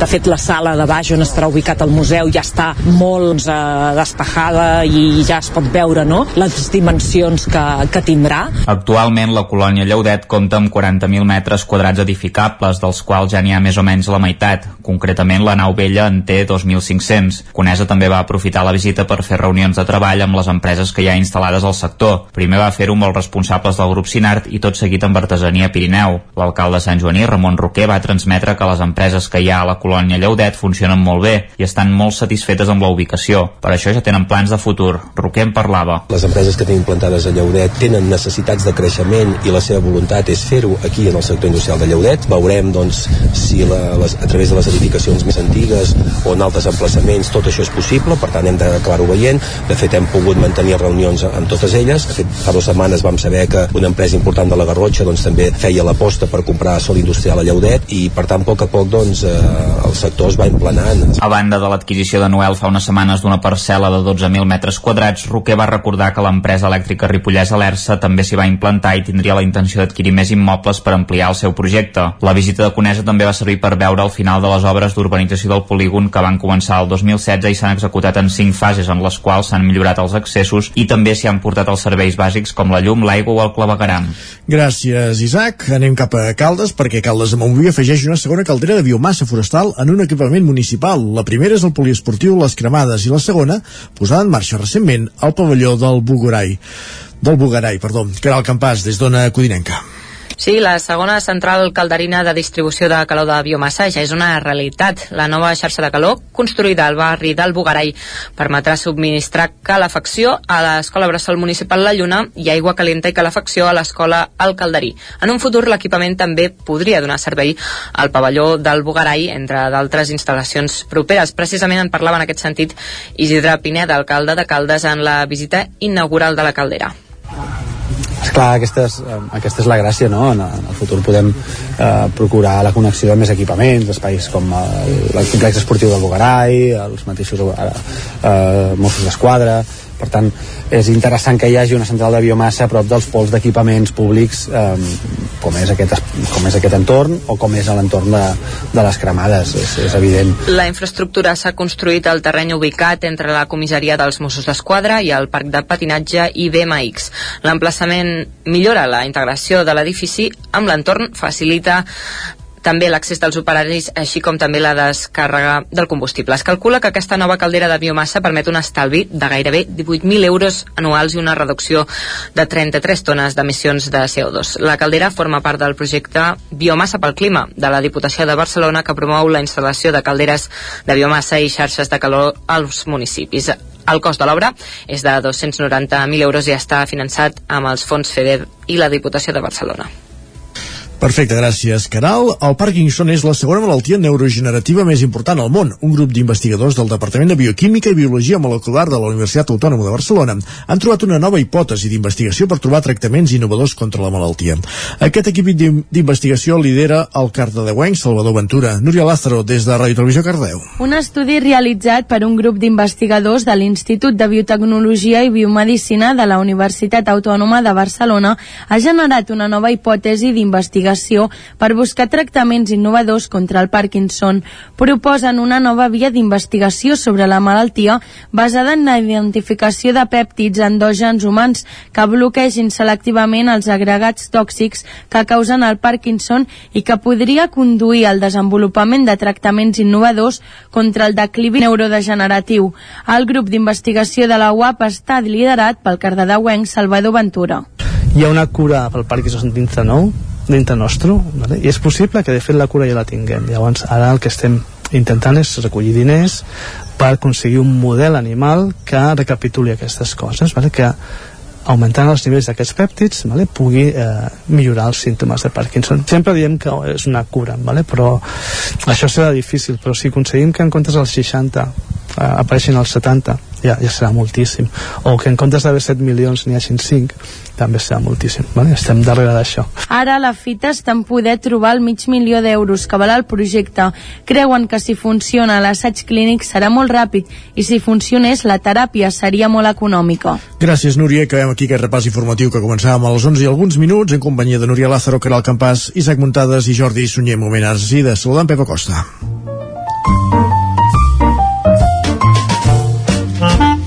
Casa Terradellos us ofereix el temps. Per conèixer la previsió meteorològica, bon dia, Pep.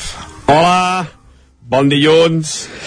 I avui comencem setmana, eh, serà una setmana, ja aviso, eh, inestable. Inestable com el dia d'avui. Aquesta nit també ha pogut una mica cap a Osona, Ripollès sobretot, i durant el dia d'avui ho pot continuar fent però seran puges, puges febles a més no seran puges continuades serà ara plourà ara surten clarianes ara queda núvol ara torna a ploure però bueno, seran acumularan quantitats poc importants com a molt eh, jo crec que els jocs són poc i més entre 5 i 10 litres i sent generós perquè la majoria de precipitacions seran entre 1 i 2. Ja veieu quines quantitats més petites de precipitació. Continua ambient fred, eh, la majoria màximes entre els 10 i els 12-13 graus, com a molt, per tant, eh, continua aquest fred. Aquí, mira, aquesta part encara és una mica bona pels incendis i, i, i aquestes situacions perilloses, perquè el fred continuarà, i això és tot, això és tot pel que fa al dia d'avui, avui dilluns, que ja serà la primera setmana sencera de, de març d'aquest 2022. Eh, I com deia, serà una setmana inestable, veurem què acaba passant, eh, perquè apunta bastanta pluja algun dia, però bueno, jo ja no, ja no m'ho crec, i ja veurem, veurem com acaba tot plegat. Moltes gràcies i molt bon dia a tothom. Bon dia. Adéu. Casa Tarradellas us ha ofert aquest espai. Saludem tot seguit l'Adrià Oliveres, als Solidaris. Bon dia, Adrià. Aquesta setmana parlem i coneixem una entitat que està assentada a tot Catalunya. Fa més de 20 anys que treballen per visibilitzar el càncer infantil en festes torneigs on es fa un homenatge als nens i nenes que lluiten a diari. Ciutats com Olot, Lleida, Sant Hipòlit de Voltregat, Reus o Lloret i entre moltes altres han estat la seu de la celebració i equips a tot Catalunya hi han participat. Avui parlarem amb en Joan Torner, fundador i president de la Fundació Amic Joan Petit, qui ens explicarà en detall com es va crear i per què ho va fer. Amb tot això, intentarem que entengueu de la millor manera com es va crear la Fundació Amic Joan Petit, com ha evolucionat amb la creació del gegant i els projectes que han fet al llarg dels anys. Així que avui, sense demorar-nos més, des de Ràdio Vic i a través del Territori 17, parlarem amb la Fundació Amic Joan Petit i concretament amb en Joan Torner, president de l'entitat. L'entitat va néixer l'any 2001 a causa d'una experiència viscuda amb el president Joan Torner. És ell qui ens explica quin va ser l'origen de tot. Bueno, l'entitat es va originar eh, el 2001 eh, a raó de l'activitat de, la, de la festa, de la primera festa de torneig que, que ens fem per fer un homenatge i per, i per, i per fer difusió a través de l'esport i, de, i dels mateixos nens que comencen a practicar el hockey, que és l'edat en què nosaltres ens vam trobar amb el, amb el tema de la malaltia del càncer i eh, com a fundació eh, eh, es dona d'alta el 2004 que es creen els estatuts i eh, organitzem i, i objectivem eh, exactament a, a què dedicarem el, els recursos que, que es puguin treure de, de, de tots els actes que celebrem. La, la, la, el que és la fundació, el que és l'origen de la fundació és, és, és una mica el, el haver passat per una experiència doncs, d'un de, de, fill. I, i de la gent que hem conegut a través doncs, d'aquesta branca, branca de, la, de les malalties, de l'oncologia pediàtrica, i en contacte amb els hospitals i, i, i, amb altra gent que hem conegut doncs, que ha passat per situacions familiars i que a través d'un de, de, de, de dels patrons eh, fundadors, el Manuel Mouri d'aquí de Vic, ens, ens, ens apreta per, i, ens, i, ens, i ens ajuda, ens dona molt de suport per, per dir que, que realment val la pena doncs, fer una fundació i complir aquests objectius que, que ens establirem. Segons posa els estatuts, la Fundació Amic Joan Petit és una entitat sense ànim de lucre, tot i que en Joan Torneu ha volgut definir amb les seves pròpies paraules.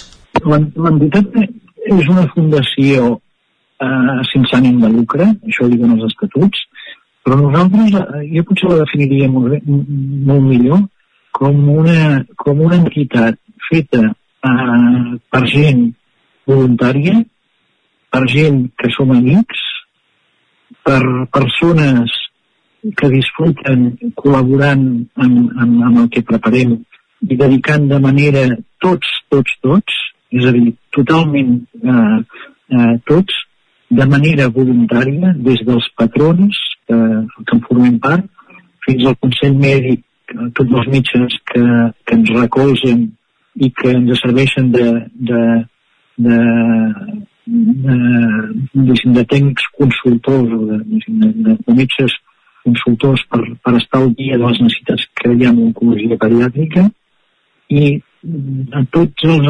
organitzadors de les activitats de la Festa Torrent Joan Petit, com a tots els voluntaris que participen en qualsevol de les activitats que fem durant l'any, i per tant té aquest esperit de, de, de, de fundació que, que tothom s'hi sent bé, que tothom s'ho ha de passar bé i que la causa s'ho mereix.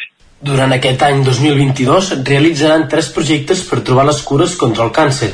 Escoltem quins són de la mà de Joan Torner. En 2022 els projectes de recerca als que donem suport, que són projectes molt importants i que i alguns d'ells estan molt avançats en estudi, per tant, a punt d'aplicar-se al que serien els resultats de tractaments, serien els estudis del sistema nerviós central, és a dir, tumors del, del sistema nerviós central, que són els, els tumors cranials, un altre que és el, el, el sarcoma, que és el, el, el conegut, podem hi ha diferents tipus de sarcomes, aquest d'aquí seria els, els de tumors d'ossos infantils, val?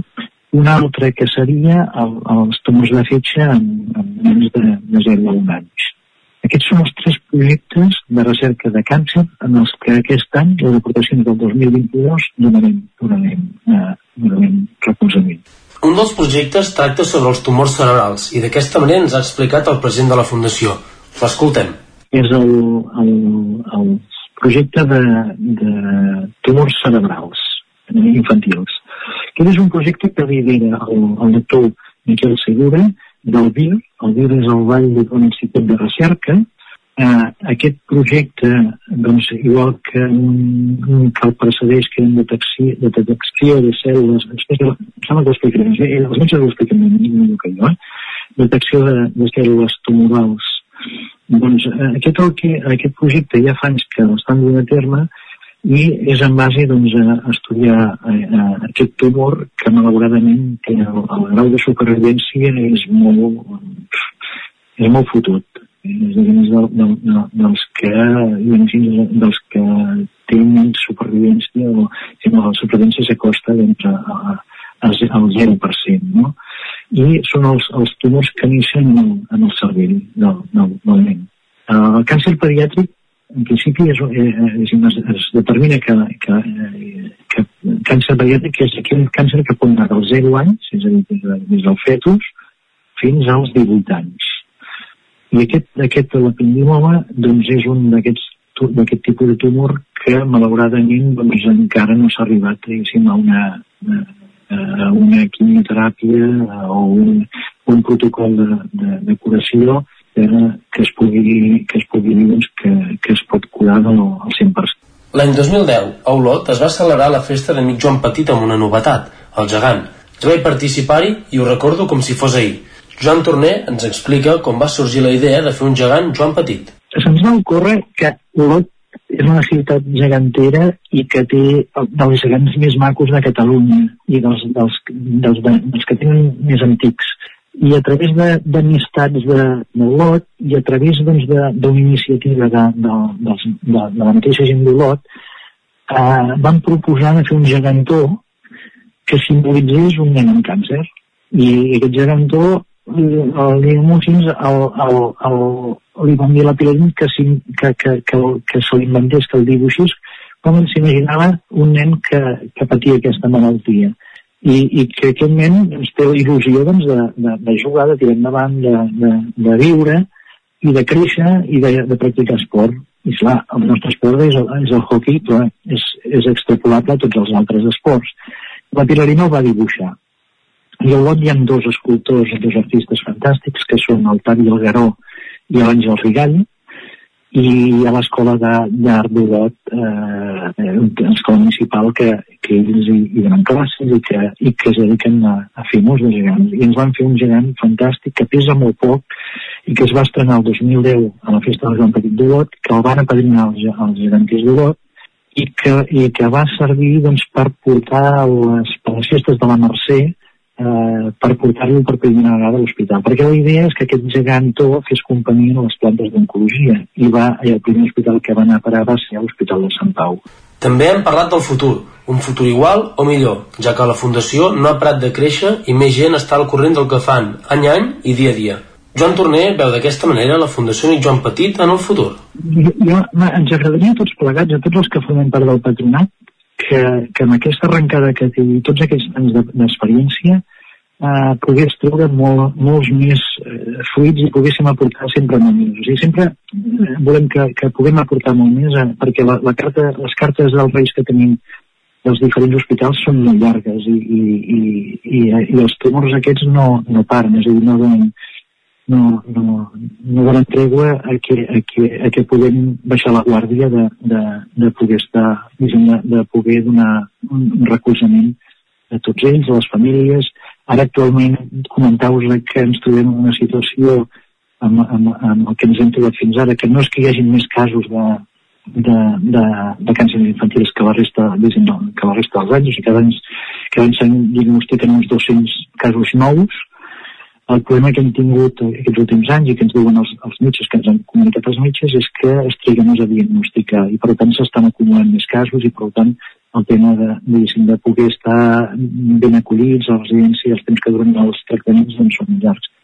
Doncs ens agradaria poder, diguéssim, a, a la que es diagnostiqués un cas. Primer de tot, ens agradaria que no existís aquesta malaltia, d'aquí 10 anys, que si, si continues existint, que malauradament ens acompanyarà tota la vida i no des de, des de el que seria els metges de les conferències ens diuen des de que, que existeix no existeix el càncer, ens agradaria, ens agradaria eh, que, que l'entitat com a tal pogués donar i, i estigués ja, ja més una mica més sola i pogués tindre doncs, doncs més, més recursos dels que, dels que té ara i això. I sobretot el que sí que seria molt important és mantenir el mateix espai que hem tingut fins ara. O sigui, fer les coses de manera que, que, que els afectin pels altres. La Fundació Amic Joan Petit va néixer amb un objectiu clar i mica en mica intenta que es vagi fent realitat. El somriure dels nens amb càncer és una de les coses més importants, a part de trobar la cura, clar. Per això, i com hem escoltat en Joan Torner, es va decidir també crear un gegant perquè els nens hi poguessin jugar quan els anés a visitar els hospitals. Jo vaig viure de ben a prop l'any 2010 i va ser una experiència increïble. El nou FM, la ràdio de casa, al 92.8. A El Racó de León ja és primavera. Gaudeix de la nostra terrassa. Vine a tastar les xuletilles de lechal a la brasa amb una bona amanida o el xuletón de vedella gallega. No et pots perdre el nostre lechado de Castilla al forn o el cochinillo a l'estil de Segovia. Tot acompanyat del millor celler, al menjador o fora la terrassa. Descobreix la millor cuina de Lleó sense moure't de casa. Vine amb la família, els amics, la parella o sol. T'encantarà. El racó de León, cuina tradicional lleonesa i de mercat. Som al carrer Torelló número 35 de Vic. Per reserves, telèfon 93 889 1950. El racó de León, una cuina diferent. Al restaurant Xavito Gastro de Vic hi trobaràs una cuina mediterrània i de mercat amb gran varietat de plats, amb arrossos, carn o peix fresc de la llotja cada dia. Vine a dinar de dimarts a divendres i prova el nostre menú diari per només 15 euros o a les nits de dijous a diumenge tastar el nostre menú degustació amb arrossos i tapes per 25 euros. Restaurant Xamito Gastro. Ens trobaràs al carrer Callnou número 9 de Vic i al telèfon 93 094 1172 o al 747 42 92 58. A la Clínica Dental Sant Fortià hi trobareu un equip professional que treballa de manera coordinada per oferir un tracte sensible i humà. Estem preparats per qualsevol urgència dental i oferim accions preventives per la tercera edat i els infants. I aquest carnaval, vine disfressat i emporta't un regal. Clínica Dental Sant Fortià. Ens trobareu a la plaça Sant Fortià número 9 de Torelló al 93 859 6408 i al 690 92 51 99. Vols aprendre anglès i viure una experiència inoblidable? Estades per a joves a Irlanda, classes d'anglès i un munt d'activitats, allotjats en família o en residència i convivint sempre amb joves d'altres països. També classes per adults i programes per a tota la família. Tures Language and Travel, especialistes en Irlanda des de 1994. Més informació a tures.cat. Arriba la primavera i tornen les samarretes. A Gràfic Cert tenim una extensa varietat de samarretes per vestir el teu personal, promocionar la teva empresa, club esportiu, associació... Si estàs organitzant un esdeveniment esportiu o una festa cultural, una samarreta és una bona opció per lluir la teva marca. Ja ho saps, si el que necessites per la teva promoció és una samarreta, Gràfic Cert és el teu proveïdor. I ara també tenim a la teva disposició samarretes 100% reciclades tant de cotó com de polièster. No esperis més i truca'ns al 93 886 12 15 o visita'ns a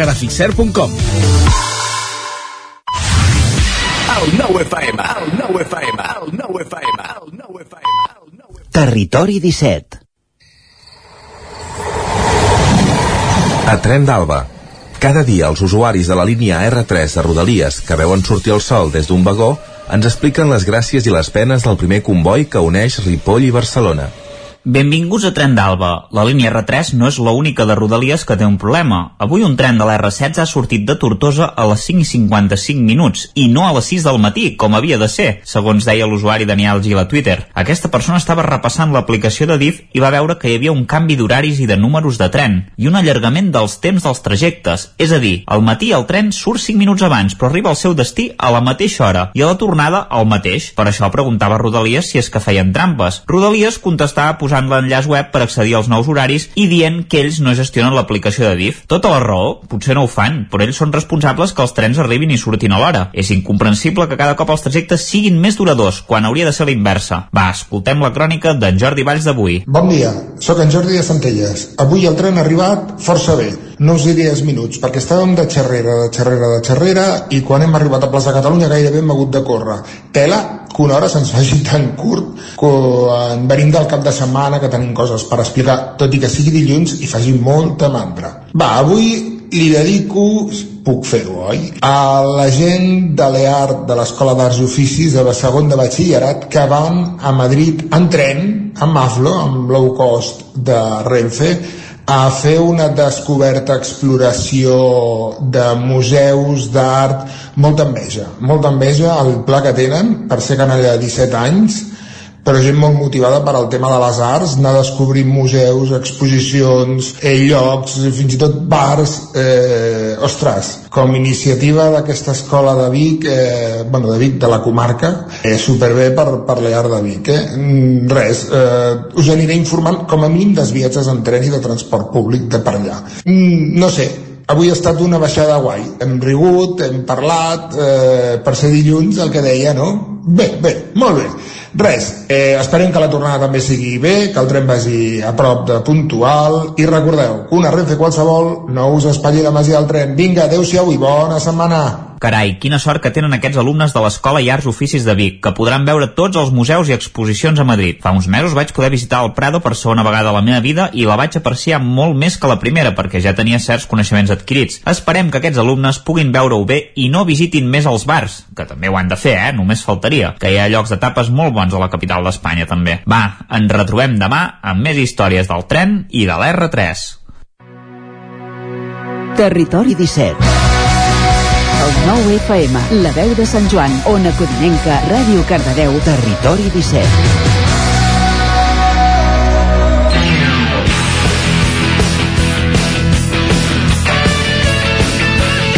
Dos quarts de dotze i tres minuts, moment d'entrar a la tertúlia esportiva per parlar de com ha anat el cap de setmana dels equips de la primera divisió de futbol, el Barça que va guanyar ahir al camp de l'Elx 1 a 2, l'Espanyol que aconseguia la primera victòria de l'any a casa 2 a 0 amb el Getafe, victòria còmoda també del Real Madrid davant la Real Societat per 4 a 1 i avui en parlem fent rotacions a l'alineació habitual de la tertúlia del territori 17, avui amb Agustí Danés, Guillem Sánchez, Lluís de Planell a la via telefònica i Isaac Montades des del veu de Sant Joan.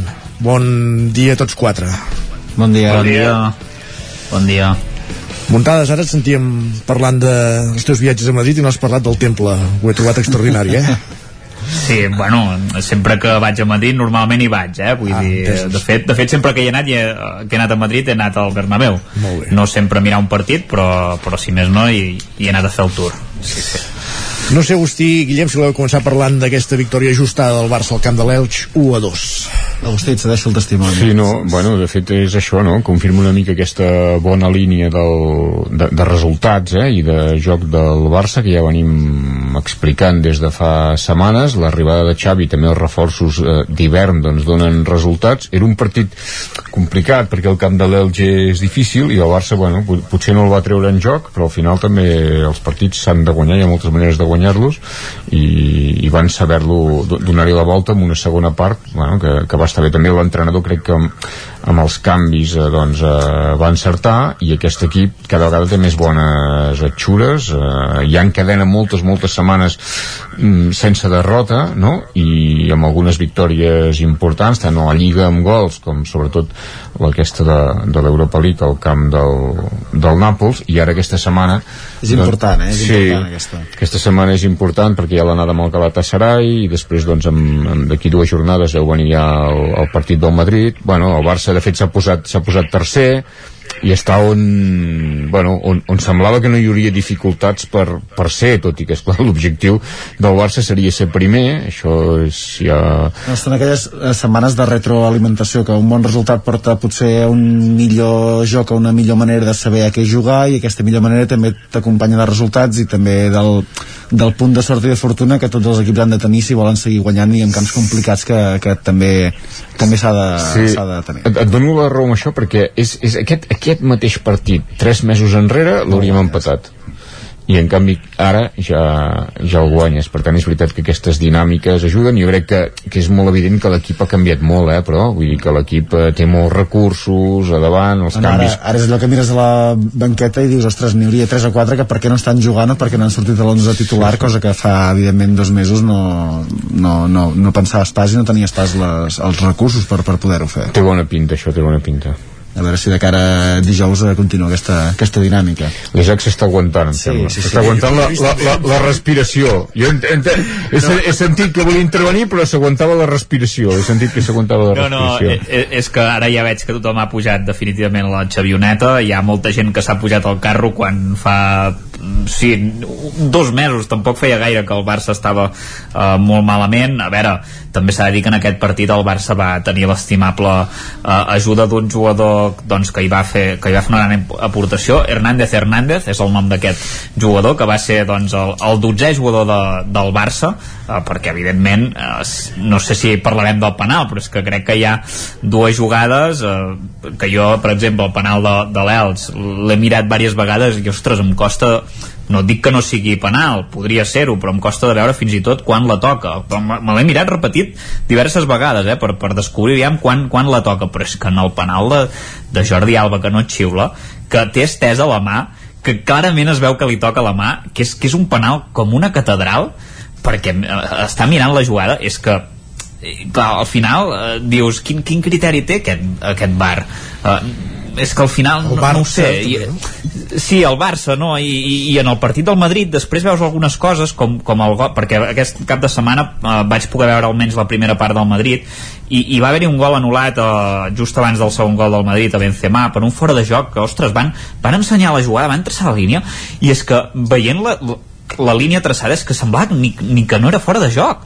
Vull dir, era, era, era escandalós el, el, el Llàstima el que no siguin tan, tan curosos també amb les vermelles cap en Casemiro perquè també llavors estaríem aquí discutint que... Bueno, eh, en els últims partits en Casemiro també li han repartit bastant i també li han fet bastantes faltes i, i home, no ho sé No, no, però sí que ten- que et digui sí que tens revisat que a vegades el, el, el, criteri ni el, ni el sabem ni el, ni el comparteixen ni el volen explicar. No. i el que en un camp a vegades eh, diu tothom que és que és penal i ho veus i es xiula en un altre camp no ho és. I això sí que dona, dona una mica de, de, de mal tuf a la, a, la, a la competició penso jo, eh, també. Jo, jo, jo, jo crec que no passa en tants casos això, eh? I l'Isaac ara deia que era escandalós aquest fora de joc, però l'escandalós que era? Que, que, que, que fos fora de joc per poc? No, no, és que per mi no ho era. Madrid, no, és que no és, És no que és per- per tu, és que, és que era fora de joc. És allò, el que passa que venia de, Bé, el que no. passa és que venia de poc.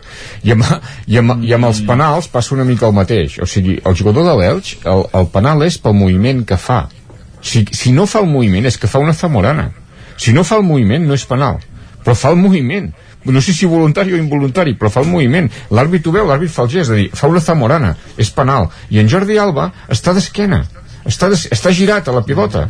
I, i, i és que no és que, és que el criteri és aquest dir, i, i el jugador de l'Elx si no mou el braç no és penal però és que mou el braç el que no sé és si això és el, el problema de la televisió. Clar, això en directe no es veu de fet. Si t'hi fixes Memphis és, que és el que està a la jugada és l'únic que no protesta la jugada.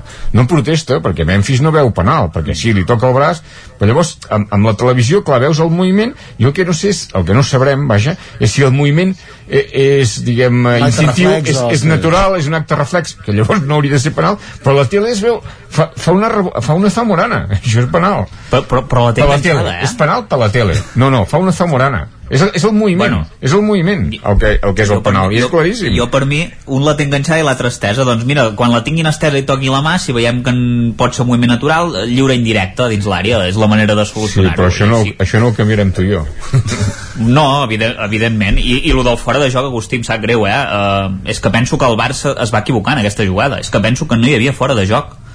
Uh, així, així de clar. I, llavors i, i tenim no és el un prim... problema si el Barça s'equivoca Sí, no, no, és que aquest és el problema, és que hi ha hagut jugades dubtoses i va haver una jugada fa unes setmanes amb un partit entre el Betis i la Real Societat de, de la Copa del Rei que, que hi va haver-hi problemes amb les imatges del bar i, no es, i es va anul·lar un gol a Oyarzábal que no es va poder garantir que era fora de joc perquè hi va haver-hi problemes i en aquest partit és que jo vaig veure la repetició és que em posaven les línies, és que no era fora de joc és, és que no, no ho era, em sap, em sap greu vull dir, és, ara, ara que ho deies jo, jo és que vaig estar-ho mirant una, una bona estona.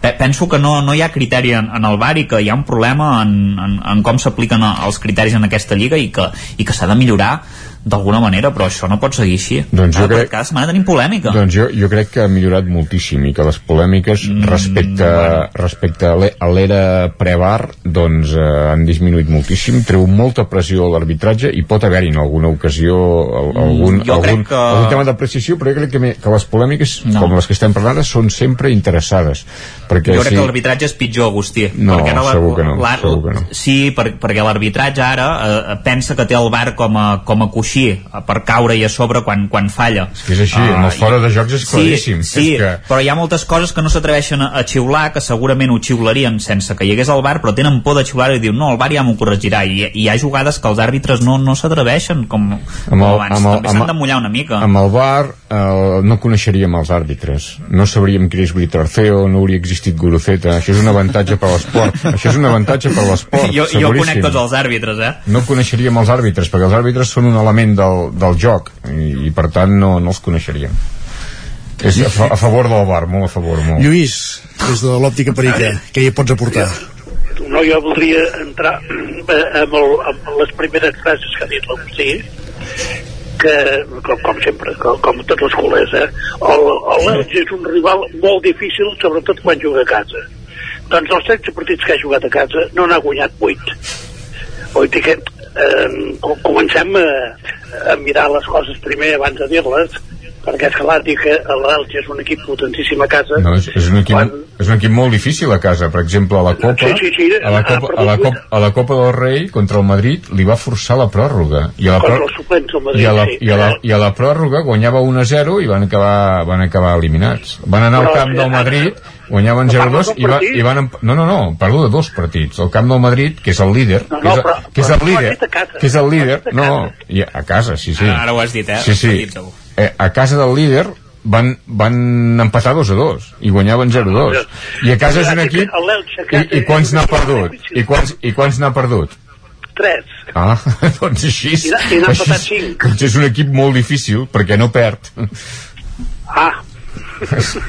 És un equip molt difícil molt. Ja, ja, ja, ja, ja, sí, sí, els, els, els dolents perden normalment. Els dolents perden el Barcelona ha perdut dos a casa l'Elx res doncs, doncs imagina't imagina't, l'Elx- imagina't si és un camp difícil també, també és un camp difícil el camp del el Barça Madrid doncs. cap a casa el Madrid cap a casa n'ha perdut doncs el Bernabéu també és un camp difícil és que això, líder. això se sol mirar així sí. Lluís, com... Eh, bueno. digues, digues No, no, no, no, no res. Que, eh, aquests culers, quan, quan aconsegueixen una cosa, sempre el multipliquen per, per 25. I, i, i això. I llavors, eh, ja que tinc el, el diari a, mà, doncs he, he mirat això de, de a casa és un equip potentíssim i de 13 partits no n'ha guanyat 8. I, i, i quants n'ha perdut? és, que, és que la dada és que la dada és aquesta estem en un bucle eh? estem en un O, bucle o no, però, perdona, però a casa empatar 5 partits no, no és pas d'equip. home, per un equip que està lluitant per la permanència potser, potser encara està bé l'Espanyol quants n'ha perdut a casa? és que jo no tinc el diari davant L'Espanyol a casa n'ha perdut 3. també, Sí, doncs, l'Elx. també és un equip Com difícil per això el Barça va patir també al camp de l'Espanyol van quedar 2 a 2 Sí, no, però... també és un camp difícil Sí, sí, sí, sí. I el Camp Nou també és el difícil, i Sí. el Barça també és difícil, sobretot si te'ls Oh. àrbitres a favor, com el teniu vosaltres. Sí, sí. exacte Lluís, primer, primera victòria de l'Espanyol a casa, una victòria que no va ser fàcil, 2-0 contra el Getafe, no? Perdona, primera victòria de l'any 22. Què, no he dit això? Ai, perdó, volia dir això, si més no. Ah, No, és que la dada aquesta és important, eh? eh? És el pitjor partit que he fet a casa aquesta temporada, i, però de, de llarg, eh, i, i vam guanyar perquè el rival, perquè, perquè el rival era el dolent.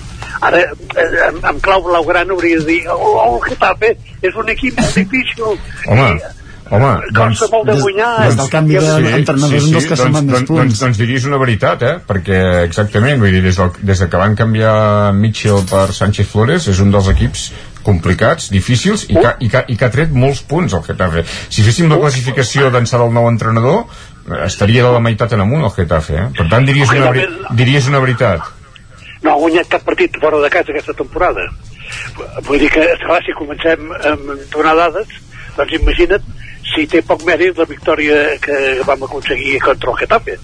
Perquè ja dic, eh, però és que eh, simplement eh, al- almenys no van tenir el dia van estar força malament eh, ofensivament van tenir molt poc, poquíssimes ocasions. Nosaltres amb una rematada de cap i, i amb un rebot doncs vam aconseguir els tres punts. El dia que potser més, menys ens ho mereixíem ens ho mereixíem molt més contra el Barça i contra el Sevilla però bé, com que el que es tractava era d'això, de guanyar el partit i guanyar el primer partit del 2022 a casa doncs eh, això que, que sigui benvingut. I si això es, eh, es pot completar amb la victòria del Llevant primer al camp del Llevant i després a casa amb el Mallorca llavors ja pràcticament la, la feina està feta. I llavors doncs eh, es tracta de buscar uns altres objectius però de moment el primer és salvar la categoria i em penso que amb aquests tres punts ajuden molt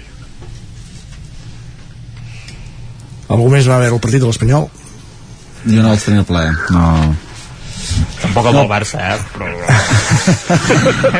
no però sí que aquesta ratxa sí que aquesta ratxa que parlava en Lluís d'aquests de tres partits seguits sí que eh, es, es denotava molt, molt important per, per l'Espanyol i més perquè ara semblava que també bueno, el, el Llevant porta uns partits que està amb molt bona dinàmica de fet s'haurà de veure aquest eh, pròxim partit d'aquesta pròxima jornada però sí, ja pots anar deixant eh, rivals pràcticament eliminats i sentenciats a la, a la part de baix també, també és una bona notícia per, per l'Espanyol. Sí, i sobretot també per, per d'on venies, no? Perquè al final els números aquests que maneja en Lluís a vegades no és tant un tema només de números, sinó de sensacions. Dir, si més els partits perduts de l'Espanyol doncs eh, són els que són, però no és el mateix, eh, diguem, perdre un partit a l'últim minut o el temps de descompte o com devia passar o, o, o perdre punts com el Atlètic de Madrid o que vagis al camp del Villarreal i, i, i, i t'esborrin del mapa no? i l'Espanyol venia d'aquí per tant eh, jo crec que sí que és veritat que aquest partit és important no tant pel fet que sí, de guanyar o perdre però també d'on venies no? no, al final has de poder, aquesta dinàmica. has de poder competir no? Uh -huh. Sí, i, i en, Sergi, en Sergi estava lesionat i vam jugar amb, amb en Calero de central però la parella de centrals eh, van estar francament bé cosa que no havia passat en els darrers partits perquè eh, les errades i el, els gols venien precisament per errades de, de, dels centrals. Aquesta vegada això no es va donar i un home com eh, l'Unai que feia gols de, de, de tot arreu eh, fins i tot a, a l'última jornada em va fer un gairebé sense voler des del Montaní de Corna vull dir que era un home que, que, que, que marcava de, ja dic de qualsevol posició doncs no va ni poder rematar fort en tot el partit vull dir que una, una bona feina defensiva del, dels pericos aquí és eh? vull dir que no, no s'ha de treure mèrits a ningú però l'espectacle com globalment no va ser eh, ni molt menys com el Barça ni molt menys com el Sevilla ni fins i tot com, contra l'Atlètic de Madrid eh, que, que el partit famós dels 10 minuts que, que, que van perdre eh quan en feia 9 de, de, de descompte fins i tot aquell dia van jugar bastant més bé que no pas dissabte amb el Getafe però ja dic que s'acaba de sumar i, i perfecte i dissabte al Madrid sí que va ser un espectacle Isaac o no? Sí, bueno, la primera part, que és el que vaig poder veure bé, sobretot a partir del minut 15, va, va tenir diverses ocasions. Em sembla que vam trencar una ratxa bastant dolenta de no marcar a la, a la primera part que portàvem 8 o 9 partits que no fèiem gol a la primera part i, i ho solucionàvem a la segona i, i el Madrid hauria d'haver guanyat per molts més gols dels que va guanyar també li van anul·lar un altre gol a la segona part em sembla uh, bueno, uh, jo crec que arriba en un bon moment de forma així com l'anada amb, el, amb el PSG a la Champions arribava potser en un moment més delicat i més baix doncs ara l'equip ha, ha agafat un parell de partits així que, que ha anat amunt no? tot, i, tot i les lesions que, que i sancions que tindrem perquè recordem amb el PSG no poden jugar ni Casemiro ni Mendy que estan sancionats Cross eh, jo no m'arriscaria a posar-lo d'entrada de, perquè no, no volem que s'acabi de, de fer mal i, i apostaria per intentar posar un centre un mig del camp físic però que, però que alhora pugui, pugui dominar el partit no? també una mica amb Modric com a Vinga que, que està demostrant que és un jugador que si juga i té oportunitats, eh, és un bon jugador Val, Valverde, que suposo que, que arribarà vull dir,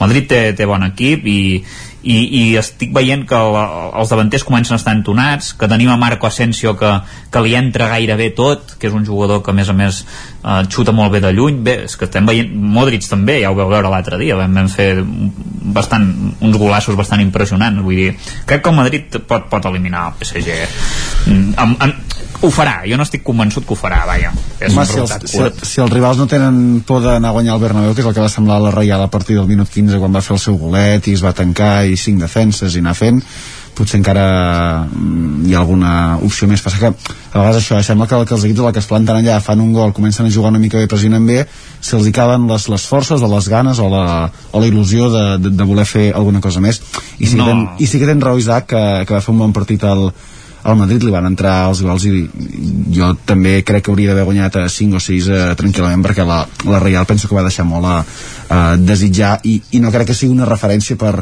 per com s'ha de plantejar el partit de Champions d'aquesta setmana contra un rival que és 30 vegades millor suposo que, sí. que, la, que la Real és que el, el partit és el d'aquesta setmana jo, el Madrid segurament guanyarà la Lliga per, per incompareixença de, dels, dels adversaris no? Vull dir, perquè és la, és, és la pitjor Lliga en, en molt temps. El Madrid és un equip, jo crec que ara mateix molt mediocre, molt sostingut per les, per les aturades del, del, del, del porter no? i, i, el, i el partit és el, de, el partit és el d'aquesta setmana. El partit és el de dimecres eh, a veure si el, si el PSG eh, és capaç, vull dir, és el matchball això que diu l'Isaac de dir en, en, en Kroos no el posaria, no, no, el Madrid ho ha de posar tot perquè és que aquest és l'últim partit. No, és que però- aquest, però és és que que aquest poder- és l'últim partit. És que si no guanyes aquest no partit arriba.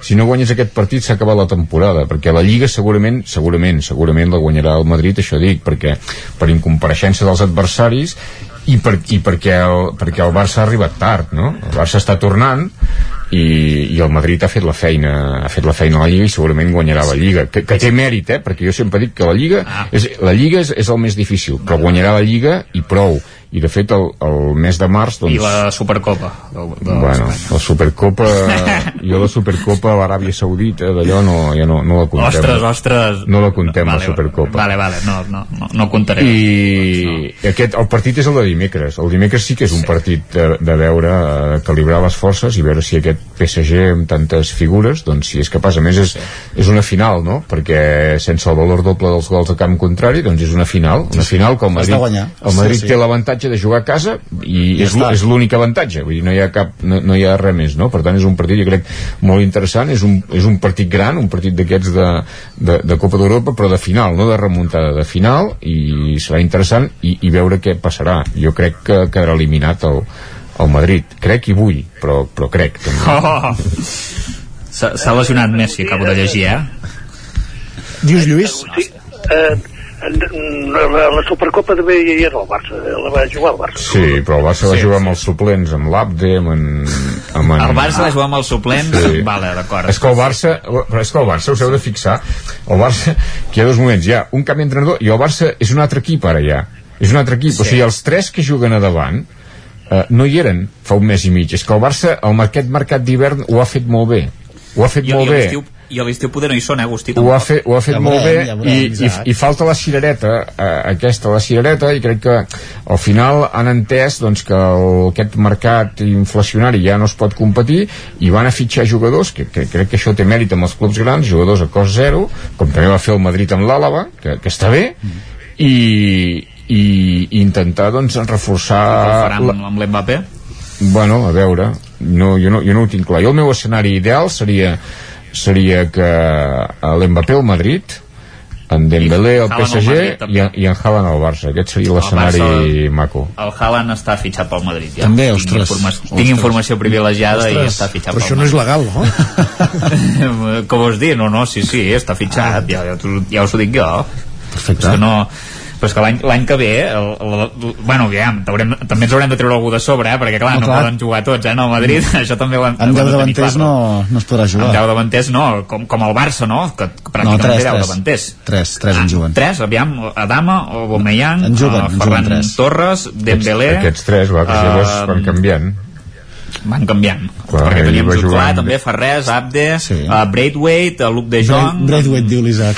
ja, ja, vaig per, ja vaig per 8 jugadors eh, jo davant, no, no sé si estic descomptat, poder no, poder no acabo de comptar bé. el Barça ha tornat, Home, Isaac. El Barça ha tornat, ha tornat, m'encanta. 15 punts del Madrid a la Lliga. Barça- sembla que el Barça hagi de guanyar la Lliga. No, no, la, no, la, no la guanyarà perquè han, perquè han anat tard però això ja està, ja l'hem viscut Però aquesta que si- història ja l'hem viscut. I el Madrid, Però és que el anys, Madrid segueix guanyant, quan, no? quan, quan durant anys i anys i anys uh, havia, havia quedat a 15 i 20 punts del Barça a la Lliga a 15 Sí. i 20 punts del Barça a la Lliga però llavors aquells anys el Madrid guanyava la, salvava la temporada perquè guanyava la Copa d'Europa guanyava la Champions, en va guanyar vàries al Madrid. Però insisteixo, és que hi ha un tema i, i això casa eh, també amb, amb el teu discurs és que no hi havia bar és que, és que, és que, doncs, és que, vale, és que la diferència és que la diferència és que la diferència és aquesta. La diferència és aquesta.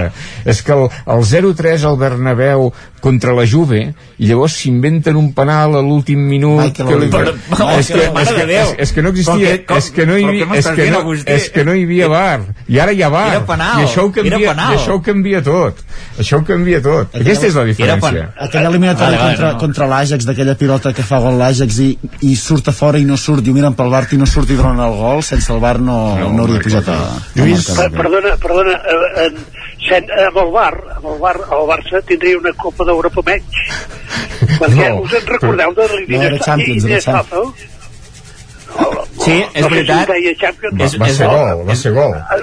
no, el, el, va ser no, no, gol els sis, va xutar, penals que es va va menjar xutar, l'àrbitre va xutar clarament. Els sis penals els sis penals va de l'àrbitre xutar, va xutar va entrar clarament, no hi havia dubte amb aquell... No, no, però, però que només, només que xiula un dels tres penals que, que, claríssims que hi van haver. Ah, ja sabíem que el marcaria el, el, el però això, això no es pot no, no es pot, però això és fer eh, això no, no. Això és fer el que fas tu eh, no, perquè, no, no, és perquè, el mateix. perquè, no, no, no, no, deixa'm explicar-ho això. No, no, no, no, deixa'm explicar-ho. És que, no, no, no, no, no, no, no, no, no, no, no, no, no, no, no, imagina't si hem arribat tard nosaltres el Madrid, el Madrid, però deixa'm explicar-ho. El Madrid guanyarà la Lliga, el que dic, guanyarà la Lliga i el Barça no guanyarà la Champions. I quan passava a l'Arrevés el Madrid guanyava la Champions però jo dic per, perquè no hi havia bar. I el que dius tu és diferent perquè si, si hi hagués hagut bar no, el Barça, no, no Lluís, Lluís el Barça va guanyar és, la Champions sí, perquè no hi havia bar. Sí, pot, pots agafar aquesta però llavors la de l'Inter, el gol d'en Bojan a la semifinal sí, era gol, o sigui, en el Barça el bar